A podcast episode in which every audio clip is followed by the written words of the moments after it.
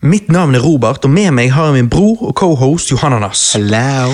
For nøyaktig 30 år siden, i november 1990, ble jeg født. Samtidig kom Nintendo ut med sitt nye 16-bit-konsoll i Japan, Super Nintendo, eller Super Famicom som den het der. I dag skal vi snakke om og anmelde noen av de beste spillene på det konsollet. Men først, Johannes, hva skjedde på den forrige casten? Ja, hva skjedde? Eh, Det må jo jeg nesten spørre deg om, fordi jeg husker jo ingenting fra den siste halvtimen ut i casten, og jeg er sikker på at mange lyttere som hører på, tenker det samme. Eh, At de ikke husker noe heller? Nei, for de slo av etter. Nei, nei, det, det er jo eh, Jeg må jo bare beklage uh, at jeg ble så full. Jeg ble jo grisefull. Du brukte jo uh, saueskinnet som du nå sitter uh, Ja. med i ryggen. Du brukte jo det som Ja, er serviett. Du er det. gulpet jo oppi det. Ja. Og dette måtte jo vaskes. Det ble vasket twice, og Ja. så ble det greiet, og ja. Ja, ja, og eh, sterilisert, og jeg, jeg Og du spydde jo i eh, et halvt døgn. Jeg spurte i et halvt døgn, jeg burde vært pumping, det kom vi frem til. Ja, for det virker jo som du nesten fikk litt alkoholforgiftning når du Ja. satt om eh, For det første spydde du i vasken hjemme hos deg sjøl. Ja, jeg jeg holdt jo på å spy på deg på cast. Ja. Ja. Og så satt du og skalv eh, langt utpå natten. ja, skalv på natten, sovnet i, i, i stolen i stuen, og så eh, våkner jeg da, og står og spyr i vasken, og så sitter jeg naken inn på do, og så spør min mor om hun kan komme inn. Og jeg bare sier ja, ja, og så kommer hun inn, og så eh, Så skjønner der. hun at hun ikke skulle gjort det. Nei, nei, nei, så snur hun, og jeg... Nei, det var crazy. Og jeg våknet opp, og jeg har aldri spydd så mye før. Og når du våknet om morgenen, så sånn som jeg skjønte det, så gikk du og kledde på deg og trodde du skulle på jobb. Ja, ja, da, da kledde jeg på meg, gikk på badet, pusset tennene, sto der og tenkte ja, nå skal jeg på jobb. Og så bare tenker jeg, men det er jo lørdag, ja. Ja, faen, jeg har fri, jeg. Og så går jeg og legger meg igjen. at- det samme gjorde jo du på mitt utdrikningslag her for Ja. ett og et halvt år. Ja. Nei, er det, Det er, eh, er det ett år siden? Det er to år siden. Oi, er det to år siden? Det er to år siden, Robert. Eh, Jeg, ja, shit, det er. Jeg er veldig oppofrende av meg, tydeligvis. Ja, for det, da var det sånn at du gikk av bussen, du hadde tatt bussen hjem fra dette utdrikningslaget, og så kommer da min eh, eh, nå kone, men da forlover. Ja. Eh, eller forlover. er Forlover? Eh, Den jeg var forlovet med. Eh, hun, kom jo, hun kom jo kjørende over broen, mens du gikk andre retningen, og så stopper hun og plukker deg opp, og så sier du at du trodde du skulle på jobb. Jeg trodde jeg skulle på jobb klokken tolv om natten. sant? Så det er liksom, når du, eh, når du er skikkelig dritings, da er det jobb du skal på. da, da er det tydeligvis det. Jeg vet ikke, Det er en eller annen eh, jobbmagnet. Hva heter det? Jobbalkoholiker? Jeg, jeg tror det. Det er som en jobb for meg.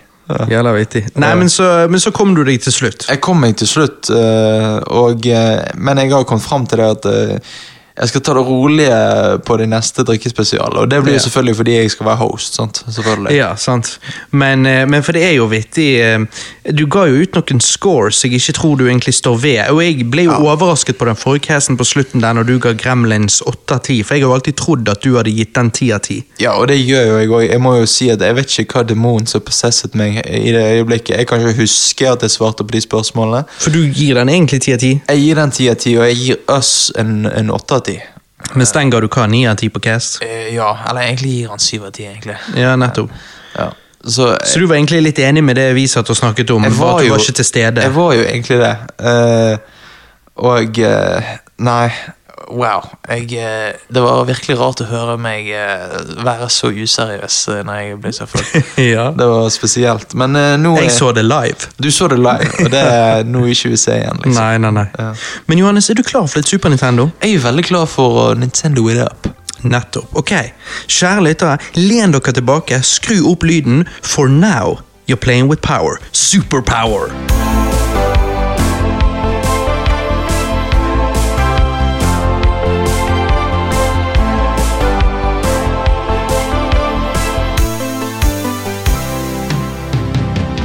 I november 1990 lanserte de Super Nintendoen med to spill i Japan. F-Zero, som eh, viste hva konsollen kunne gjøre med Mode 7, og selvfølgelig den tidløse klassikeren Super Mario World. Men før vi går inn på, eh, på disse spillene, så vil jeg bare ta et par minutter til å snakke om konsollet.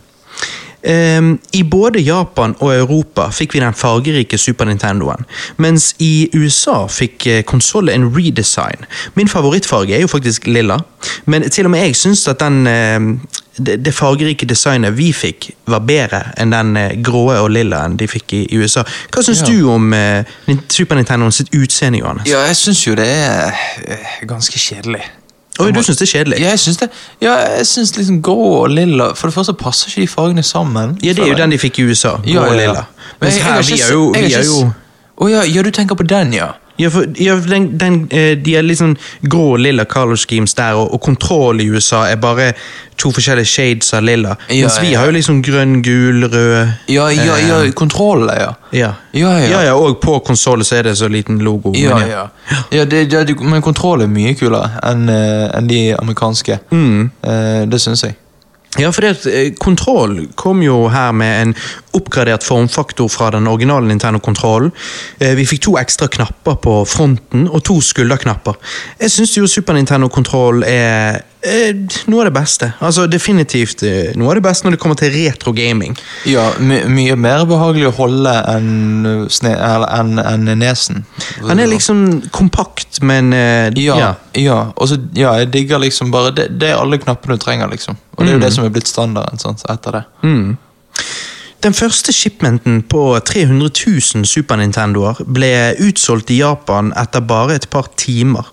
Super Nintendo lanserte på en onsdag, og såpass mange folk ringte inn sykt den dagen for å kjøpe maskinen at myndighetene ba konsollutviklere i fremtiden om å gi ut konsollene sine i helgene, sånn at uh, ikke disse lanseringene ville gå utover produktiviteten i landet. Hæ, seriøst? ikke det sykt? Det, er- det er sykt hvor mye power de faen meg har, hvis Ja, superpower. Er Now you're playing with power. Mhm. Det er faen meg power! Hvis de faen meg klarer å få myndighetene til å måtte gi ut sånn melding. Måtte gripe inn. Ja, ja, ja.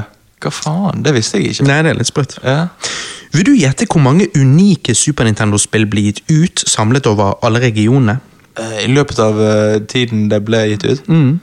Nei, etterpå. Nei, ja, ja, i i 2015. Når de, slutt, ja, Nei, når de sluttet å lage spill for Super Nintendo, vil du gjette hvor mange som kom ut da? Ja, null. Eh, nei eh, eh, Wild guess uh, 150?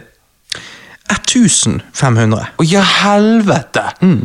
Halvparten var eksklusive til Japan, da, men likevel. Og siden Nintendo kom ut med Super Gameboy, en kart som gjorde det mulig å spille Gameboy-spill på Super Nintendo, så økte jo da biblioteket med 1000 spill til, kan du si. Så det er plenty av shit å spille på om du har en Super Nintendo. Altså, denne Super Gameboyen var jo genial.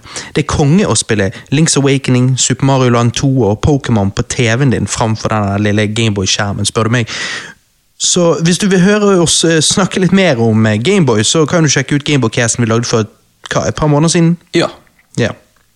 Anyways. Et lite team på ni personer ga oss ni planeter og brukte 15 måneder på å gi oss 15 baner i F-Zero, som kom ut i 1999. Dette var jo da en launch-tittel sant? Ja, ja. Til, til Super Nintendo. ja for, for, for når du sier dette eh, Jeg har hørt at Snesen kom ut i 1999.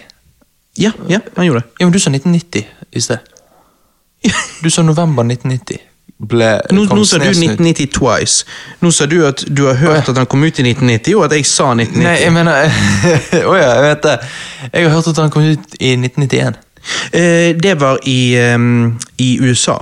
Å, ok. Ja, ok. Ja. Så Og så jeg lurer på om i Europa om han kom ut i 92. Å ja, okay. Jeg er ikke helt sikker, men det er noe sånt. Ja, okay. Eh, men, eh, men ja, de spacer jo ut litt sånn, og det er det samme spill. Et spill kan komme ut i Japan, og så kommer ikke det ut i, i USA eller Europa før fem måneder seinere. Og det er Ja. ofte, ofte sånn som det er, men, eh, men konsollen er fra 1990. Ja, ja, ja, ok. Mm. F-Zero er jo et futuristic racing-spill med fantastisk musikk. Her ser vi Mode 7 i full effekt, som betyr at bakgrunnen eh, ligger på bakken, håper jeg å si. og så beveger han seg mens du kjører. egentlig, Mens det kjøretøyet du kjører, det står egentlig i ro, faktisk. Eh, dette skaper en følelse av å kjøre i 3D på et 2D-konsoll. Det er primitivt, ja, men for 1990 var det revolusjonerende. Du kjører hundrevis av kilometer i timen i 60 frames per sekund, og likevel Sega Genesis, aka Sega Megadrive, lente seg på en eh, kjappere prosessorskip, så er det ingen tvil om at F-Zero ga Super Nintendo-spillere en intens følelse av fart. Spesielt pga. lydeffektene når du passerer andre racers. Um, dette spillet er jo 30 år gammelt nå, men er like gøy uh, i dag som det var i 1990, mener jeg. Uh, men jeg er jo en nostal nostalgisk eh, retronerd, så hva sier du, Johannes? Ja, ja jeg eh, Jeg må jo si at for den tiden, for å være det første som gjør det han gjør altså, Mm. Det var aller første spillet på konsollet, sammen Ja. med Super Mario World. ja, På en måte var han det første racingspillet som fikk det til å se ut som det var i 3D, liksom. Ja, fordi at alle andre racingspill før dette eh, var bare sånn en, at du bare kjører rett framover sånn, men men, eh, ehm, men, men det er det ikke men, Hva skulle du si?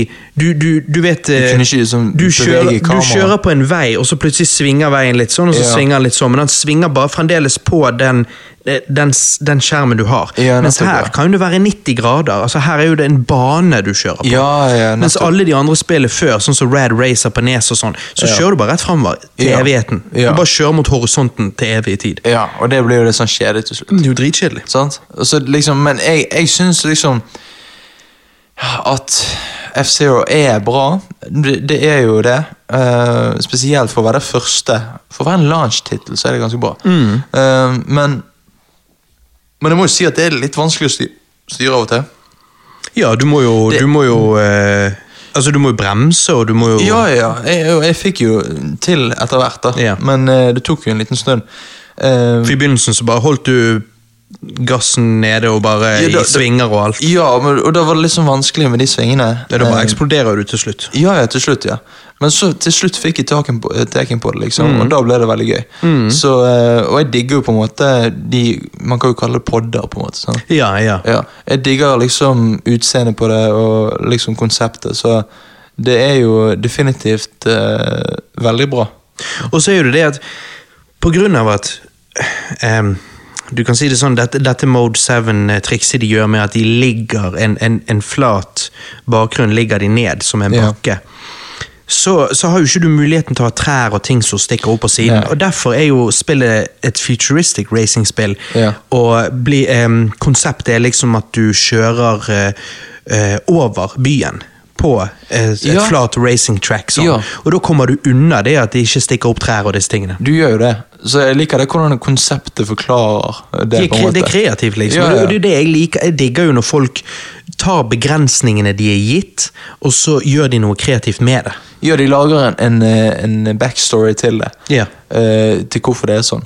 Istedenfor å bare sånn her. Ja, Fordi og- da ser det litt sånn ass ut. sant? Ja, når du ikke, når du ikke, lar, når du ikke eh, tar disse begrensningene og er kreativ med dem, så virker jo det bare som du eh, half-asser det, liksom. Ja. Så det, jeg setter pris på når folk eh, prøver litt ekstra. Jeg Men jeg føler jo at eh, den største skammen med F-Zero er jo at det ikke finnes noe multiplayer mode. Det hadde jo vært skamfett om man kunne spille mot hverandre. Ja, for det, det var en ting som overrasket meg. Jeg tenkte sånn, ok, dette, jeg, jeg kan kun spille dette for meg sjøl, liksom. Mm. Det var litt rart, men selvfølgelig, det var jo launch, sant. Det er det, og det er Så- vanskelig å De kunne puttet inn en to-player mode. Eh, Ja. Jeg tror det er noen som har gjort det på en hack oh, nå i ettertid. Men, men det men det, de hadde ikke tid den Nei. gangen, og det kan hende de opplevde framerate issues når de prøvde. Jeg vet ikke. Det kan hende. Men, Det kan hende. eh, men ja. Men det funker jo for seg sjøl òg. ja. Og fremtidige F-Zero-spill, så er det multiplayer, da er det good times. Ja, ja, ok. Ja. Det er jo et vanskelig spill. Eh, til og med på beginners så kan man slite med å fullføre visse baner. Um, men det er et utrolig gøyt spill, med mye replay value, nettopp fordi at det er såpass utfordrende. Ja. I hvert fall eh, når du går opp i vanskelighetsgrad. Jeg flekser alle muskler når jeg spiller, snisser hjørner og kjenner ved i håret. jeg merker det, jeg òg. Jeg gir derfor F-Zero en solid 8 av 10. Ja, det er akkurat det jeg òg vil. Og, og, men på en måte, grunnen til at de ikke får ti av ti for meg, er jo på en måte at det er Det er primitivt. Det er det. Det er Men det, det. det, vil det være fordi Ja. at det er en launch-tittel. Ikke- Det hadde vært interessant å se om de, om de ga ut en F-Zero 2 i 95 eller noe. Så Ja, hadde det vært ja. interessant å se. Men samtidig, konsollet er såpass begrenset som det er. Da måtte de i så fall brukt Super FX-chipen, det skal vi komme til senere i dag. Men, um, så kanskje de kunne gjort noe med den, og så laget et F-Zero-spill, men, men der ville du fort opplevd framerate issues òg, hvis du skulle ha 3D-modeller. Så jeg vet ikke om det er mulig. Nei. Ehm, de gjorde nok det beste de kunne med det. Ja, de, de gjorde nok det. Og så, så har man F-Zero på, på Nintendo 64, GameCube. Det som er synd, er at det er et, eh, en spillserie vi ikke har sett på en stund. Um, fordi at Mario Kart har på en måte overtatt. Mario Kart skal vi også komme til senere. Men, Um, og Mario Kart er fett, men jeg hadde, jeg hadde digget å sett F-Zero på Switch. Et nytt, nydelig, nice. fett F-Zero-spill. Full speed, bare gønne på. Ja, men Det fikk meg til å tenke på det der uh, jeg, vet, jeg vet ikke om de nevnte det på Gameboy-casten, men i hvert fall det der um, Om det var F-Zero du hører på. Fordi det spillet som vi spilte um, for noen år siden, som jeg digget, det var sånn racing og sånn, og futuristic stil. Men det var på, på et konsoll Ja. med bedre grafikk, nyere. Ja, det var eh, Wipeout til PlayStation. Åh, Wipeout til PlayStation. Ja, og det er veldig likt. Jeg, jeg Ja. vil jo si at eh, det, det må jo være sterkt inspirert av F-Zero. Ja, ja. Ellers så forstår jeg ingenting. Ja, for Se for deg et sånn type s- på, på Switchen. ja. Det hadde vært awesome. Ja, pluss at jeg føler at altså F-Zero, der òg kjører de fort, men jeg føler F... Nei, jeg mener uh, Wipeout kjører de fort, men jeg føler at F-Zero er enda kjappere. Ja. Så se for deg det um, på, eh, på eh, Switch, bare enda kjappere. Ikke? Det var et um, Det var et spill på Wii U, faktisk. Em, jeg oh, ja. tror ikke det er på Switchen. Kanskje det er på is, uh, uh, denne i-sjappen eh, eh, på, eh, på Switchen. Det, det heter noe med Neo. Det er jo obviously da ikke Wipeout, det er ikke F-Zero, men det er et spill som er tydelig inspirert av det. Som Ja. sånn indie-spill, da. Tror jeg sånn halv-indie. Em, Neo et eller annet. Um, Ok, Så det, er, på fett. Wii U-en? Det er fett, ja. Ja. Jeg spilte det litt, det er kult. Men uh, det å få en skikkelig sånn um, offisiell F-Zero. F-Zero-oppfølger, det Det, hadde er- fett. det tror jeg de hadde tjent på òg. Ja, så F-Zero var det ene launch-spillet. Det andre var Super Mario World, da, og i 1990. Trenger spillet noe introduksjon? Nei. Alle vet jo hva Super Mario World er, sant? Em, men jeg vet ikke helt, altså Ok, ok. Jeg vet ikke helt hvordan å gjøre dette på en Super Nintendo Cast. Men jeg får vel bare hoppe rett ut i det. Jeg er ikke så stor fan av Super Mario World. Og jeg har egentlig aldri vært det. La meg forklare. Dette er jo et Mario-spill, så det er naturligvis ikke et dårlig spill. sant? Men det er en god del ting med spillet jeg personlig ikke liker. Så igjen, bare for å presisere, jeg, jeg syns ikke Super Mario World er et dårlig spill, men jeg syns heller ikke det er så bra som folk skal um, ha det til. Og jeg er ikke aleine, tror jeg. Når folk diskuterer hva som er det beste 2D Mario-spillet of all time, så ender folk flest opp i én eh, av to camper. Super Mario Bros 3-campen og Super Mario World-campen. Jeg elsker Super Mario Bros 3. Jeg syns det er et helt fantastisk spill. Type 10 av 10-spill. Og alt jeg liker med det spillet, er mye det jeg ikke liker med Super Mario World. I Super Mario Bros 3 er musikken konge, mens musikken i Super Mario World syns jeg er litt annoying av en eller annen grunn. Artstyle i Super Mario Bros 3 syns jeg er fantastisk. Alle de forskjellige verdenene, og, og banene i disse verdenene, eh, de, de er så utrolig unike og kule. Det er liksom et tema hele veien, og, og de skiller seg fra hverandre. sant? Mens i Super Mario World så syns jeg alt ser litt barnslig ut, og alle banene virker veldig like. Det er liksom, Uansett om du kommer til noe Ghost-greier, og noe sånt, så, så føles alt veldig likt, syns jeg. Og det, det syns jeg er veldig annerledes enn i Super Mario Bros 3. Um, og i Super Mario Bros 3 så er kontroll veldig tight, mens i Super Mario World så syns jeg den er litt slippery. Super Mario Bros 3 har utrolig mange power-ups, mens i Super Mario World får vi færre power-ups. Og jo da, i Super Mario World fikk vi Yoshi, men jeg har aldri egentlig vært noe sånn superfan av Yoshi. Han er kul, og jeg spilte jo en del Yoshi Story på Nintendo 64 da jeg var liten, men i Super Mario World syns jeg han ikke er like nyttig som folk skal ha det til. Alt i alt kan jeg personlig ikke gi Super Mario World mer enn en sterk 6 av 10, eller kanskje en svak 7 av 10. Når det kommer til 2D-spill, 2D Mario-spill, så, så spiller jeg mye heller Super Mario Bros. 1 og 3 i tillegg til Super Mario Land 2. Og jeg spiller absolutt alle Super Mario 3D-spillene før jeg spiller Super Mario World. Don't get me wrong, Super Mario World er et bra plattformerspill for å være en launch-tittel. Det er bare det at det finnes så mange andre plattformere på Super Nintendo jeg mener er mye bedre. Jeg vet ikke om Jeg, jeg, vet at dette er tidenes upopulære Super Nintendo-mening, men skjønner du noe av kritikken min her, Johannes? Jeg eh, forstår eh, veldig mye av kritikken din, men, men liksom Jeg har bare jeg, jeg, har- Av en eller annen grunn så har jeg mye minner av dette, at jeg spilte det eh, på ditt rom uh, på Super Nintendo din da jeg var liten. Det kan hende. jeg har Du spilte òg mye originale Super Mario Bros. Ja. Det var det første du spilte. Ja, men så har jeg minner av det av og til puttet i, for jeg visste jo ikke hva som var hva. Nei. Så jeg bare tok inn i dette, og så husker jeg jeg spilte dette, og da tenkte jeg at det var litt annerledes. Eh, Og men så er jo du Du har jo en bias her, for Ja. du er jo en dinosaurfan. jeg er jo det. Og dette er jo ikke i Mushroom Kingdom, Nei. men i Dinosaur Land eller Dinosaur Island eller et sånt. Sant? Og jeg syns jo Yoshi er en kul karakter. Mm. Eh, ikke annet enn at jeg syns han ser kul ut, og at eh, på en måte det er vittig at han på en måte bare lager den lyden sant, og ikke snakker, men liksom eh, Men ja, han, han brukes jo som et vehicle her, på en måte. sant? Og, Men hva syns du sammenlignet med Super Mario Bros 3? ja, fordi at Super Mario Bros. 3, det, er det på Nintendo 64? Nei, det er på, på vanlig nes. Det er det, det er altså. før Super Nintendo. Er det på vanlig nes? Ja, ja, ja, ja nå skjønner jeg. Ja, det er jo, det er jo mye bedre. Jeg syns det. Det er det du vet, der det ser ut som et sånn um, teater i begynnelsen, med, med sceneteppet som går vekk ja, sånn, ja, så ja, ja. ja, det er jo bra. Ja, jeg syns, jeg syns liksom at der er jo det denne overworlden, sant? og det er et slott du skal til, og alt det der. Ja. Og jeg syns liksom at de overworldsene, og bane i de, det er liksom Alt er så, alt har et tema. Det er liksom, alt er så unikt. Og her er det ørken, og her er det sånn. Og, Ja. Mens her, mens her, her, her er det bare samme hele tiden, føler jeg. Ja, det føles som én overworld. Ja. Det, det kan Eller bli, det er jo det det er. Ja, og til slutt så blir det uh, veldig kjedelig, for det blir det samme opp igjen hele tiden. Artstyle er helt lik. Eller liksom, altså bane, de ser så De ser ut som bare én lang bane, eller hva du skal si. Ja, sant. De, er ikke, de ikke Og, ja. Men pluss, jeg syns kontroll er litt dårlig.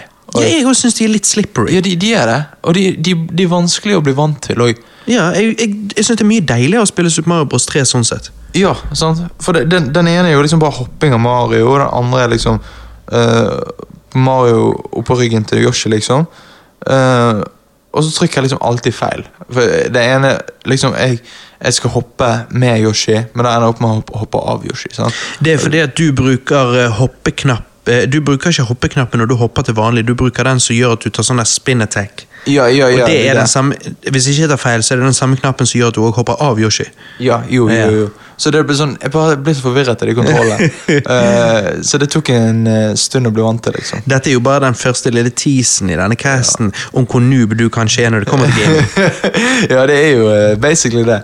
Jeg tror, jeg tror lytterne våre skal lære mye om deg og, det- deg og dine og gaming, gaming skills. skills. Ja, Det er jo av, egentlig. Men uh, det man må være ærlig. sant? Jeg, Mm. jeg vokste ikke opp med det på samme måte som deg. Så. Nei, du er jo født eh, ti år før meg, og eh, Nei, jeg mener pss, ti år etter meg. Ti år Du er født ti år etter meg, og det er jo det vi får se i denne casten. Vi kommer med to forskjellige perspektiver. Jeg kommer med 1990-perspektivet, du kommer med et annet et. Og pluss at jeg er mye mer erfaren når det kommer til, eh, til plattformere og litt sånn Ja. retrospill, hvor du ikke er. Ja. Så da får vi begge perspektivene. Nettopp. nettopp. Og det er litt eh, gøy. Du nevnte det med musikken. Du er ikke fan av musikken. Jeg er helt enig. Bortsett fra seiersmusikken syns jeg er litt gøy. Ja, ja. Når du kommer i mål. Men det er et eller annet med lydeffektene, eller liksom hvordan lyden høres ut. Ja, ja, og lydeffektene. Ja. Som er bare til noe som mm, Men jeg har Det er et alltid litt, ikke men jeg har meg. alltid litt grafikken. Sånn, jeg syns alt ser liksom skjene ut. Det er sånn- fargerikt, men jeg syns ja. det ser litt barnslig ut. Jeg. På en måte. Ja, Jeg liker men det det er bedre jo i Super Mario Bros. 3. et bar barnespill. Jo, men jeg synes, jo, men Super Mario Bros. 3 syns jeg bare er mer appealing. Uten tvil, og det er jeg helt enig med. Men det, det, kan, det kan være mye nostalgi som spiller inn her, men, men, Ja. det, men det er et faktum at når folk og det hører jeg, Når jeg hører på eksempel Gamescoop, IGN sin podkast og sånne ting, så hører jeg ofte Diskusjonen kommer ofte opp. Hva er det beste 2D Mario-spillet? Og noen mener Super Mario World, mens, mange, eh, mens andre mener eh, Super Mario Bros 3. Og jeg er vel bare en av de som er på Super Mario Bros 3, da. Så derfor syns jeg ikke så mye om Super Mario World, liksom. Nei, nei, men eh, der er jeg enig med deg, egentlig. Ja, Du Ja. òg du, du òg Jeg- liker heller det. Jeg foretrekker uh, Mario eh, Boss 3 Mm. uh, fremfor Super Mario World, men uh, jeg, jeg gir Super Mario World en, um, en 7 av 10 òg. Ja, Ja. ja. Jeg syns jo faktisk Super Mario World 2, Yoshi's Island, er hakket bedre. Med sin utrolig unike artstyle, og her er jo Yoshi faktisk skikkelig nyttig. Altså Selvfølgelig spillet er jo bygget rundt Yoshi, men du skjønner poenget. Gameplayet i um, i toeren er gøy, og jeg digger det å utforske og finne ting osv. Nei, Super Mario World 1 er overrated, syns jeg, og toeren mener jeg er faktisk litt underrated. Um, jeg vil gi Super Mario World 2 Yoshi's Island 7 av 10, eller kanskje en sterk 7 av 10. Har du spilt toeren, Johannes? Jepp, det har jeg. Um, jeg syns Super Mario World 2 Yoshi's Island er jævlig bra. Jeg digget det. Um, Mange snakker om de hater liksom Baby Mario, og når du mister han, så griner han, og den annoying grinelyden, men uh, ja, det er en annoying grinelyd. Det er helt greit, men, riktig. Men, men jeg, nå skal jeg ta på meg denne douchen. Jeg er bare så god at jeg sjelden opplever den grinelyden når jeg spiller. For jeg mister ikke han så mye. er bare, jeg er bare født sånn. Jeg er bare for god for alle. Gutta, get good, da. Get good, da. Neida, men, men jeg bare tenker at du opplever jo ikke det så mye. Eh, pluss at hele poenget er jo at du skal bli, an, at du skal bli alert, sånn at du kan fange den igjen. sant? Ja. Eh, Nei, jeg vet ikke, jeg så ikke på det som et problem. Men nå sitter ikke jeg- med lyden på full maks og spiller Super Mario, Nei, nei. eh, Bros, nei, Super Mario World 2 Yoshi's Island og bare blæster i høyttalerne. Så, Ja, ja. så jeg anser det ikke som et problem. sånn sett. Nei, jeg liker hvordan du argumenterer for liksom Jo, men Se for deg, du bare er en dude som sitter og spiller Super Nintendo, Super Mario World 2 Yoshi's Island, med de sykeste høyttalerne, skrudd til maks, Og bare... bare- han bare, den musikken, han digger det, og så plutselig kommer Baby Mario, Ja. Og han bare, ah, det bare Du ser liksom det blåser vind i håret. Og bare fuck, jeg hater spillet! Hvem er det som spiller retrospill på den måten? Nettopp, sant? Så get off our back, ok? Også, nei, men, nei, men, nei, jeg men- syns at, men jeg syns jo artstyle i det spillet Det er jo veldig unikt. Eh, veldig unikt, eh, og eh, eh, jeg, jeg syns det, det var litt sånn Det var akkurat som å se på en tegnefilm, nesten. Mm -hmm. uh, uh, I hvert fall i begynnelsen, der, men liksom du ser alle Yoshiene står der, sant? Mm -hmm. de forskjellige fargene, og de, de ser denne babyen. Sant? Og jeg nevnte jo Yoshi Story som kom ut på Nintendo 64. Jeg spilte det en del da jeg var liten. Det er ikke et dårlig spill, det heller, men jeg lurer på om dette er enda bedre, faktisk. Så Ok. hvis du så, Nei, men Du sa du likte Yoshi i sted. sant? Ja. ja, Hvis man liker Yoshi, så vil jeg si at da er jo Yoshi her bedre, gøyere, kulere å spille som enn i Super Mario World 1. Det er jo det. Og jeg liker liksom det at ja, du skal bruke your enemies. Du skal ta de, lage mm. de egg og bruke eggene mot dem. Jeg syns det er kult, jeg. Og um, ja, eh, mus musikken er jævla nice. Mm. Um, Enig. ja, og uh, uh, bare øyen i seg sjøl ser skamløs ut. Jeg har bare lyst til å hoppe inn. Når du ser øyen i begynnelsen, du får se Ja, ja. liksom, Jeg får lyst til å hoppe inn i skjermen. Ja, liksom. bruker de, bruker de Ja, for de bruker vel Super FX-chipen i denne. Sånn at av og til så for eksempel går du forbi en sånn her tredør, så faller han ned mot deg. Ja, ja, ja, ja. Og det er samme øyen her i begynnelsen, for den er jo ikke flat. Nei, så det er jo ikke Mode 7, så det er Super FX-chipen de bruker Ja. til å skape en 3D-øy, faktisk. Ja, ja. ja, nei, det er veldig kult. Sånn er det. Mm. det, det og det lå jeg merke til. Ehm, Og det er da du ser hvordan Vi snakket om hva hvis F-Zero hadde fått eh, en toer på Super Nintendo. Ja. Super Mario World fikk en toer på Super Nintendo, og derfor ser vi her oppgradering i artstyle, oppgradering i grafikk. ja, ja, nettopp. Så det er kult. Det, det er veldig kult. Jeg digger det at eh, på en måte du får veldig Du får en del Yoshi-law, på en måte. Og det, det Mm. Du får se at det finnes flere av han enn bare den grønne. Ja, og det, det, det vet, visste du ikke du før denne. Nei. Det fins en gul og en rosa blå. Fins det en uh, rød? Oi. Jeg tror det, i hvert fall når du kommer Svart. til Yoshi Story, så finnes det alle farger. Ja, nettopp. ja. ja. Nei, det er, det er veldig nice. Mm. Mm. Nei, som jeg sa, disse spillene er jo greie plattformere, eh, men jeg bare syns at det finnes andre plattformer på Super Nintendoen som er mye bedre. Og da tenker jeg spesielt på Donkey Kong Country, som kom ut i 1994.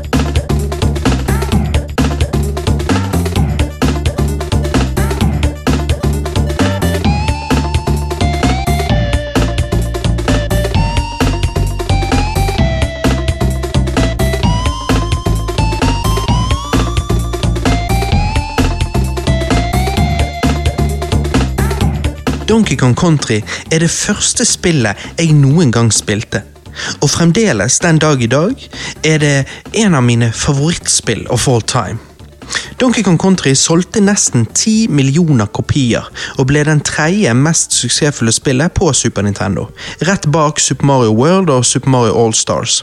Det var jo spill som ofte kom med konsollet, så det ble solgt flere kopier av de eh, At det ble det, det er jo på en måte ikke så rart, sånn sett.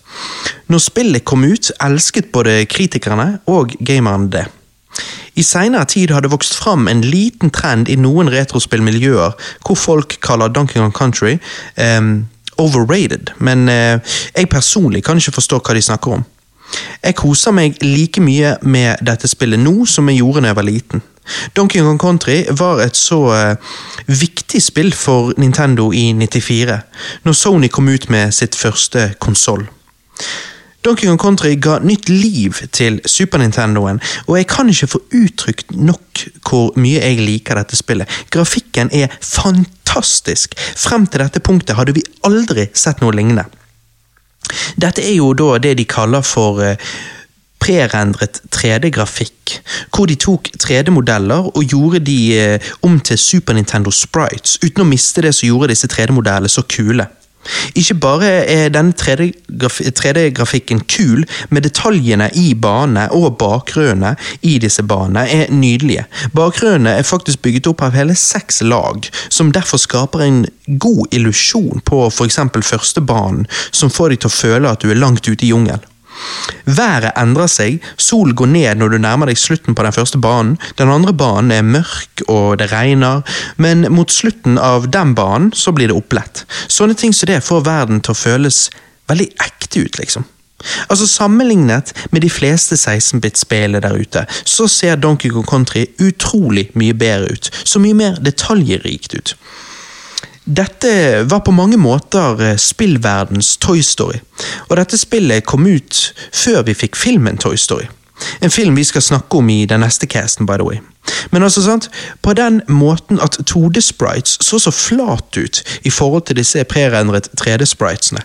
Spesielt på et gammelt boks-TV på 90-tallet, hvor ting så enda mer smooth ut enn det selvfølgelig gjør nå på et 4K-TV. Derfor anbefaler alle å spille Donkey Kong Country med et godt CRT-filter. Når de viste frem spillet på CES i Chicago sommeren 1994, nevnte de ikke før på slutten av presentasjonen at dette var et Super Nintendo-spill. Publikum antok at det var et kommende Nintendo 64-spill, og sjokket på fjeset til folk i publikum når de annonserte at det faktisk var et Super Nintendo-spill, beskriver utviklerne som det stolteste øyeblikket i deres karriere.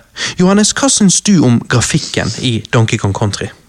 Jeg synes, eh, jeg har aldri tenkt over det eh, på den måten at det, det er sånn, du sier det her, det er seks lag Ja. eh, for å skape den dybden. Inn i Eh, ba bakgrunnen, liksom? Ja. det har jeg ikke tenkt over, men det er faktisk imponerende. Fordi at jeg tenker at, jeg har alltid tenkt at Donkey Kong Country ser veldig annerledes ut for å være på dette konsollet. I forhold til alle de andre spillene. Ja, sånn som vi nettopp snakket om i Super Mario World, så ser jo det veldig flatt ut i forhold. Jeg ja, jeg føler liksom Donkey Kong Country kunne vært på Nintendo 64. sant? Uh, Ja, det ville, det, eh, det ville jo fremdeles da vært Da ville jo vi sagt at, at det er jo et, et 2D-spill på 3D-konsoll, men, Ja. men det finnes. Altså, du kan Ja. det, det er et um, På Nintendo 64 så er det et spill som heter et eller annet Mischief et eller annet. Og det ser ganske sånn likt ut her med, med em, artstyle, kan du si, og, og det er et 2D-spill på Nintendo 64. ja, ja, fordi at jeg tenker liksom at eh, Men folk visste ikke at det var mulig. Nei, nei, nei. At de Og- kunne gjøre det sånn som dette. Ja, for jeg har alltid sett på liksom grafikken, og, og ting ser litt sånn ekte ut, nesten. Ja, litt sånn, Jeg har jo alltid tenkt um, stop motion models-type ja, type Jeg har tenkt det. For det, det er veldig uh, spesielt uh, utseende på dette spillet. For det, det er liksom alt fra steinene, strukturen der, og, og til bladene. Og uh, Men òg hvordan alle- liksom alle lyset, lyset reflekteres av palmebladene. Ja, og, ja, ja, det og skyggeleggingen og Ja, shadingen. Og, Ja, og, hvis de, på de banene det regner, uh, våte blader sant? Mhm. og gjenskinnet der. Bare òg vesenet, liksom, sånn som de krokodillemennene. Uh, Mhm. Eh, de ser altså Krokodiller ser Det er cartoonish, men det er sånn det er gjort veldig bra. Mm. Um, sammen med de der uh, rottene, eller hva du vil kalle det. Ja. Ja, eh, jævlig bra. Um, jeg syns bare alltid det har sett så bra ut. Jeg bare tenker på Du får se huset til Donkey Kong i begynnelsen her og sånn. Ja. Du kan jo gå inn i det òg. Ja, ja, ja. Der finner du en one-up-ballong. Um, jeg bare syns at jeg har, alltid, eh, altså jeg har alltid likt hvordan det så ut. Jeg har alltid syntes det så nydelig ut, koselig ut. Jeg har alltid hatt lyst Jeg bare tenker sånn, jeg har hatt lyst til å være der. Ja, jeg òg. Jeg, jeg, jeg, jeg har alltid liksom eh, Som jeg sa på eh, Yoshi Island, jeg har lyst til å hoppe inn i dette spillet og være der. For det er en sånn, det er en sånn gøy verden. Eh, selv om man har på en måte dystre baner, sånn som inne i grotten og alt sånt. Ja. Men liksom selve jungelen, det, det ser så kult ut. Og, og lydeffektene òg. Når eh, Donkey Kong skriker? Ja. så høres det faktisk ut som en ape. liksom sant? Og det er litt kult at de ikke har gjort det for sant? Og det er disse tingene at er ikke bare ett aspekt ved dette som er bra, men det er flere. Altså Spillet er- bra på mange forskjellige områder. Eh, For å virkelig vise fram denne unike og nydelige grafikken, så gjorde de det sånn at hvor mange liv du har, hvor mange Kong-bokstaver og hvor mange bananer eh, du har, kun vises når det er nødvendig, men ellers er skjermen clean. Dette med å vise informasjon kun når det er nødvendig, må de ha nailet, for jeg har faktisk aldri tenkt over det før, egentlig. Jeg har aldri savnet å kunne se bananantallet mitt mens jeg spiller, og jeg syns en clean skjerm er genial, på den måten at det viser da fram grafikken så mye bedre. Jeg, jeg også syns det. Jeg er helt enig. Eh, og det, det merker man veldig. for hvis, hvis man ikke Hvis man hadde hatt en slags en eh, health bar oppi der, Ja. en timer ved siden av, sånn, det hadde vært sånn Åh, Det er så digg at det ikke er timer. Sant? Hvorfor må det være en timer på Super Mario-spillet? Her merker du hvor digg det er at det ikke er det. Ja, det er bare sånn eh, Bare ta tiden din. sant? Altså, Det er ikke noe sånn Sjekk ut shit, Hvorfor- se etter secrets. Ja, For det er jo det som er tingen i dette spillet. Uh, framfor, Nå er det litt i Mario-spill òg, men, men ikke på samme måte. Her er det mange secrets. Her Ja, er det liksom mange sånne der huler eller shit du kan finne. Ja, sant. Og, og eh, Nei, det er bare jævlig nice. Uh, sånn som med Ja, kanskje favorittbanen min er jo vannbanen, da. Jeg bare syns Å oh, Ja, ja, ja. Wow. ja.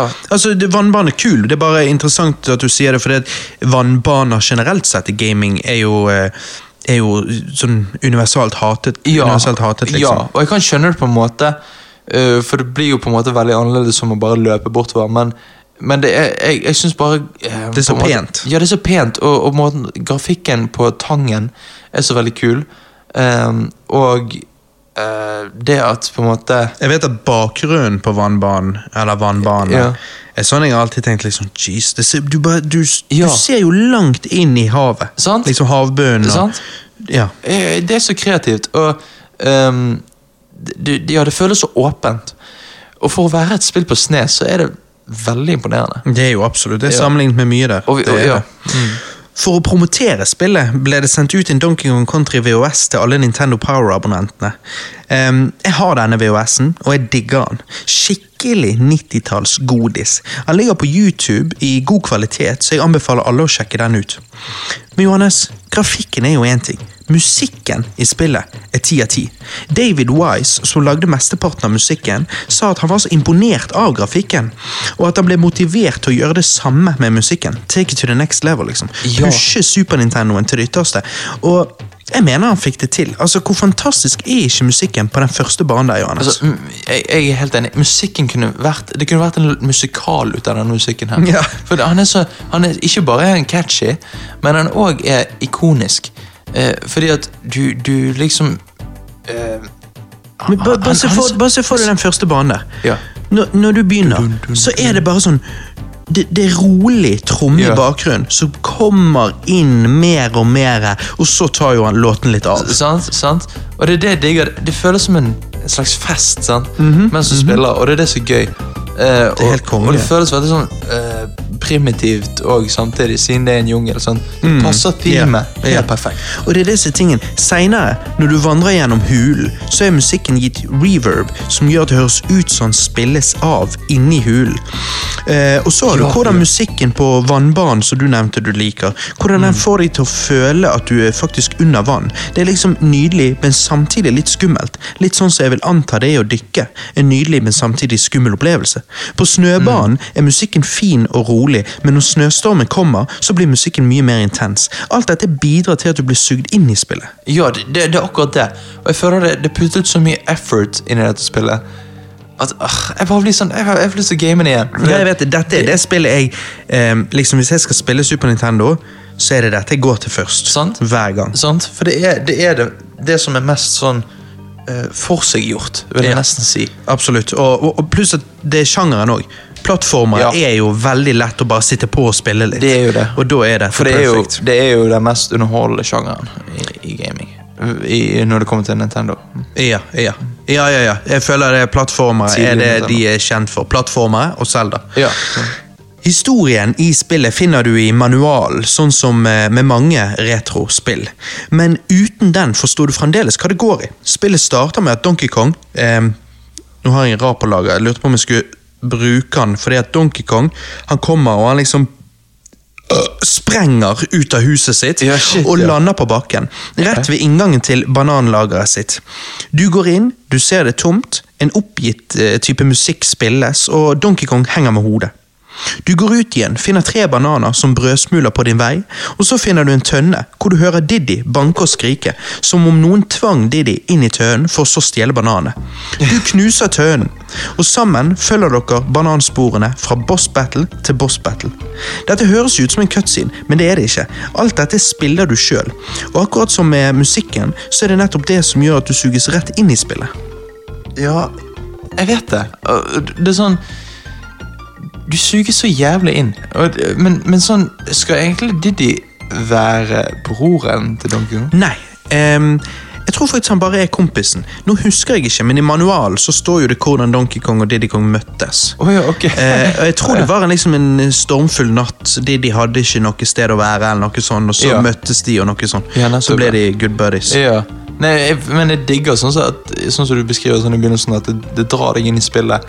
Det viser deg litt sånn hva det går i, og hvor Ja, du skal. Og, ja. Det er liksom lagt Set you up for a ride. Ja, det er lagt opp for at du skal ha suksess, liksom. Du skal ikke sitte der og bare skjønner ikke. sant? Mm, Nei, så. Gameplayet er skamtight, og alle baner er utrolig gøy å spille gjennom. Level-designet var sterkt inspirert av Super Mario Bros. 3, sa utviklerne sjøl, og vi vet jo alle at jeg liker Super Mario Bros. 3. Ja. Utviklerne sa at de ville lage et spill som var lett å bare sitte på og spille for eh, alle typer gamere, men et spill som for mer erfarne spillere var gøy å mestre. Ehm, sånn at du med litt øving kunne liksom fly gjennom bane. Nettopp det fikk de til. Det bare føles så rett å hoppe fra fiende til fiende, løpe gjennom banene, slenge deg fra liane til liane og skyte deg fra tønne til tønne.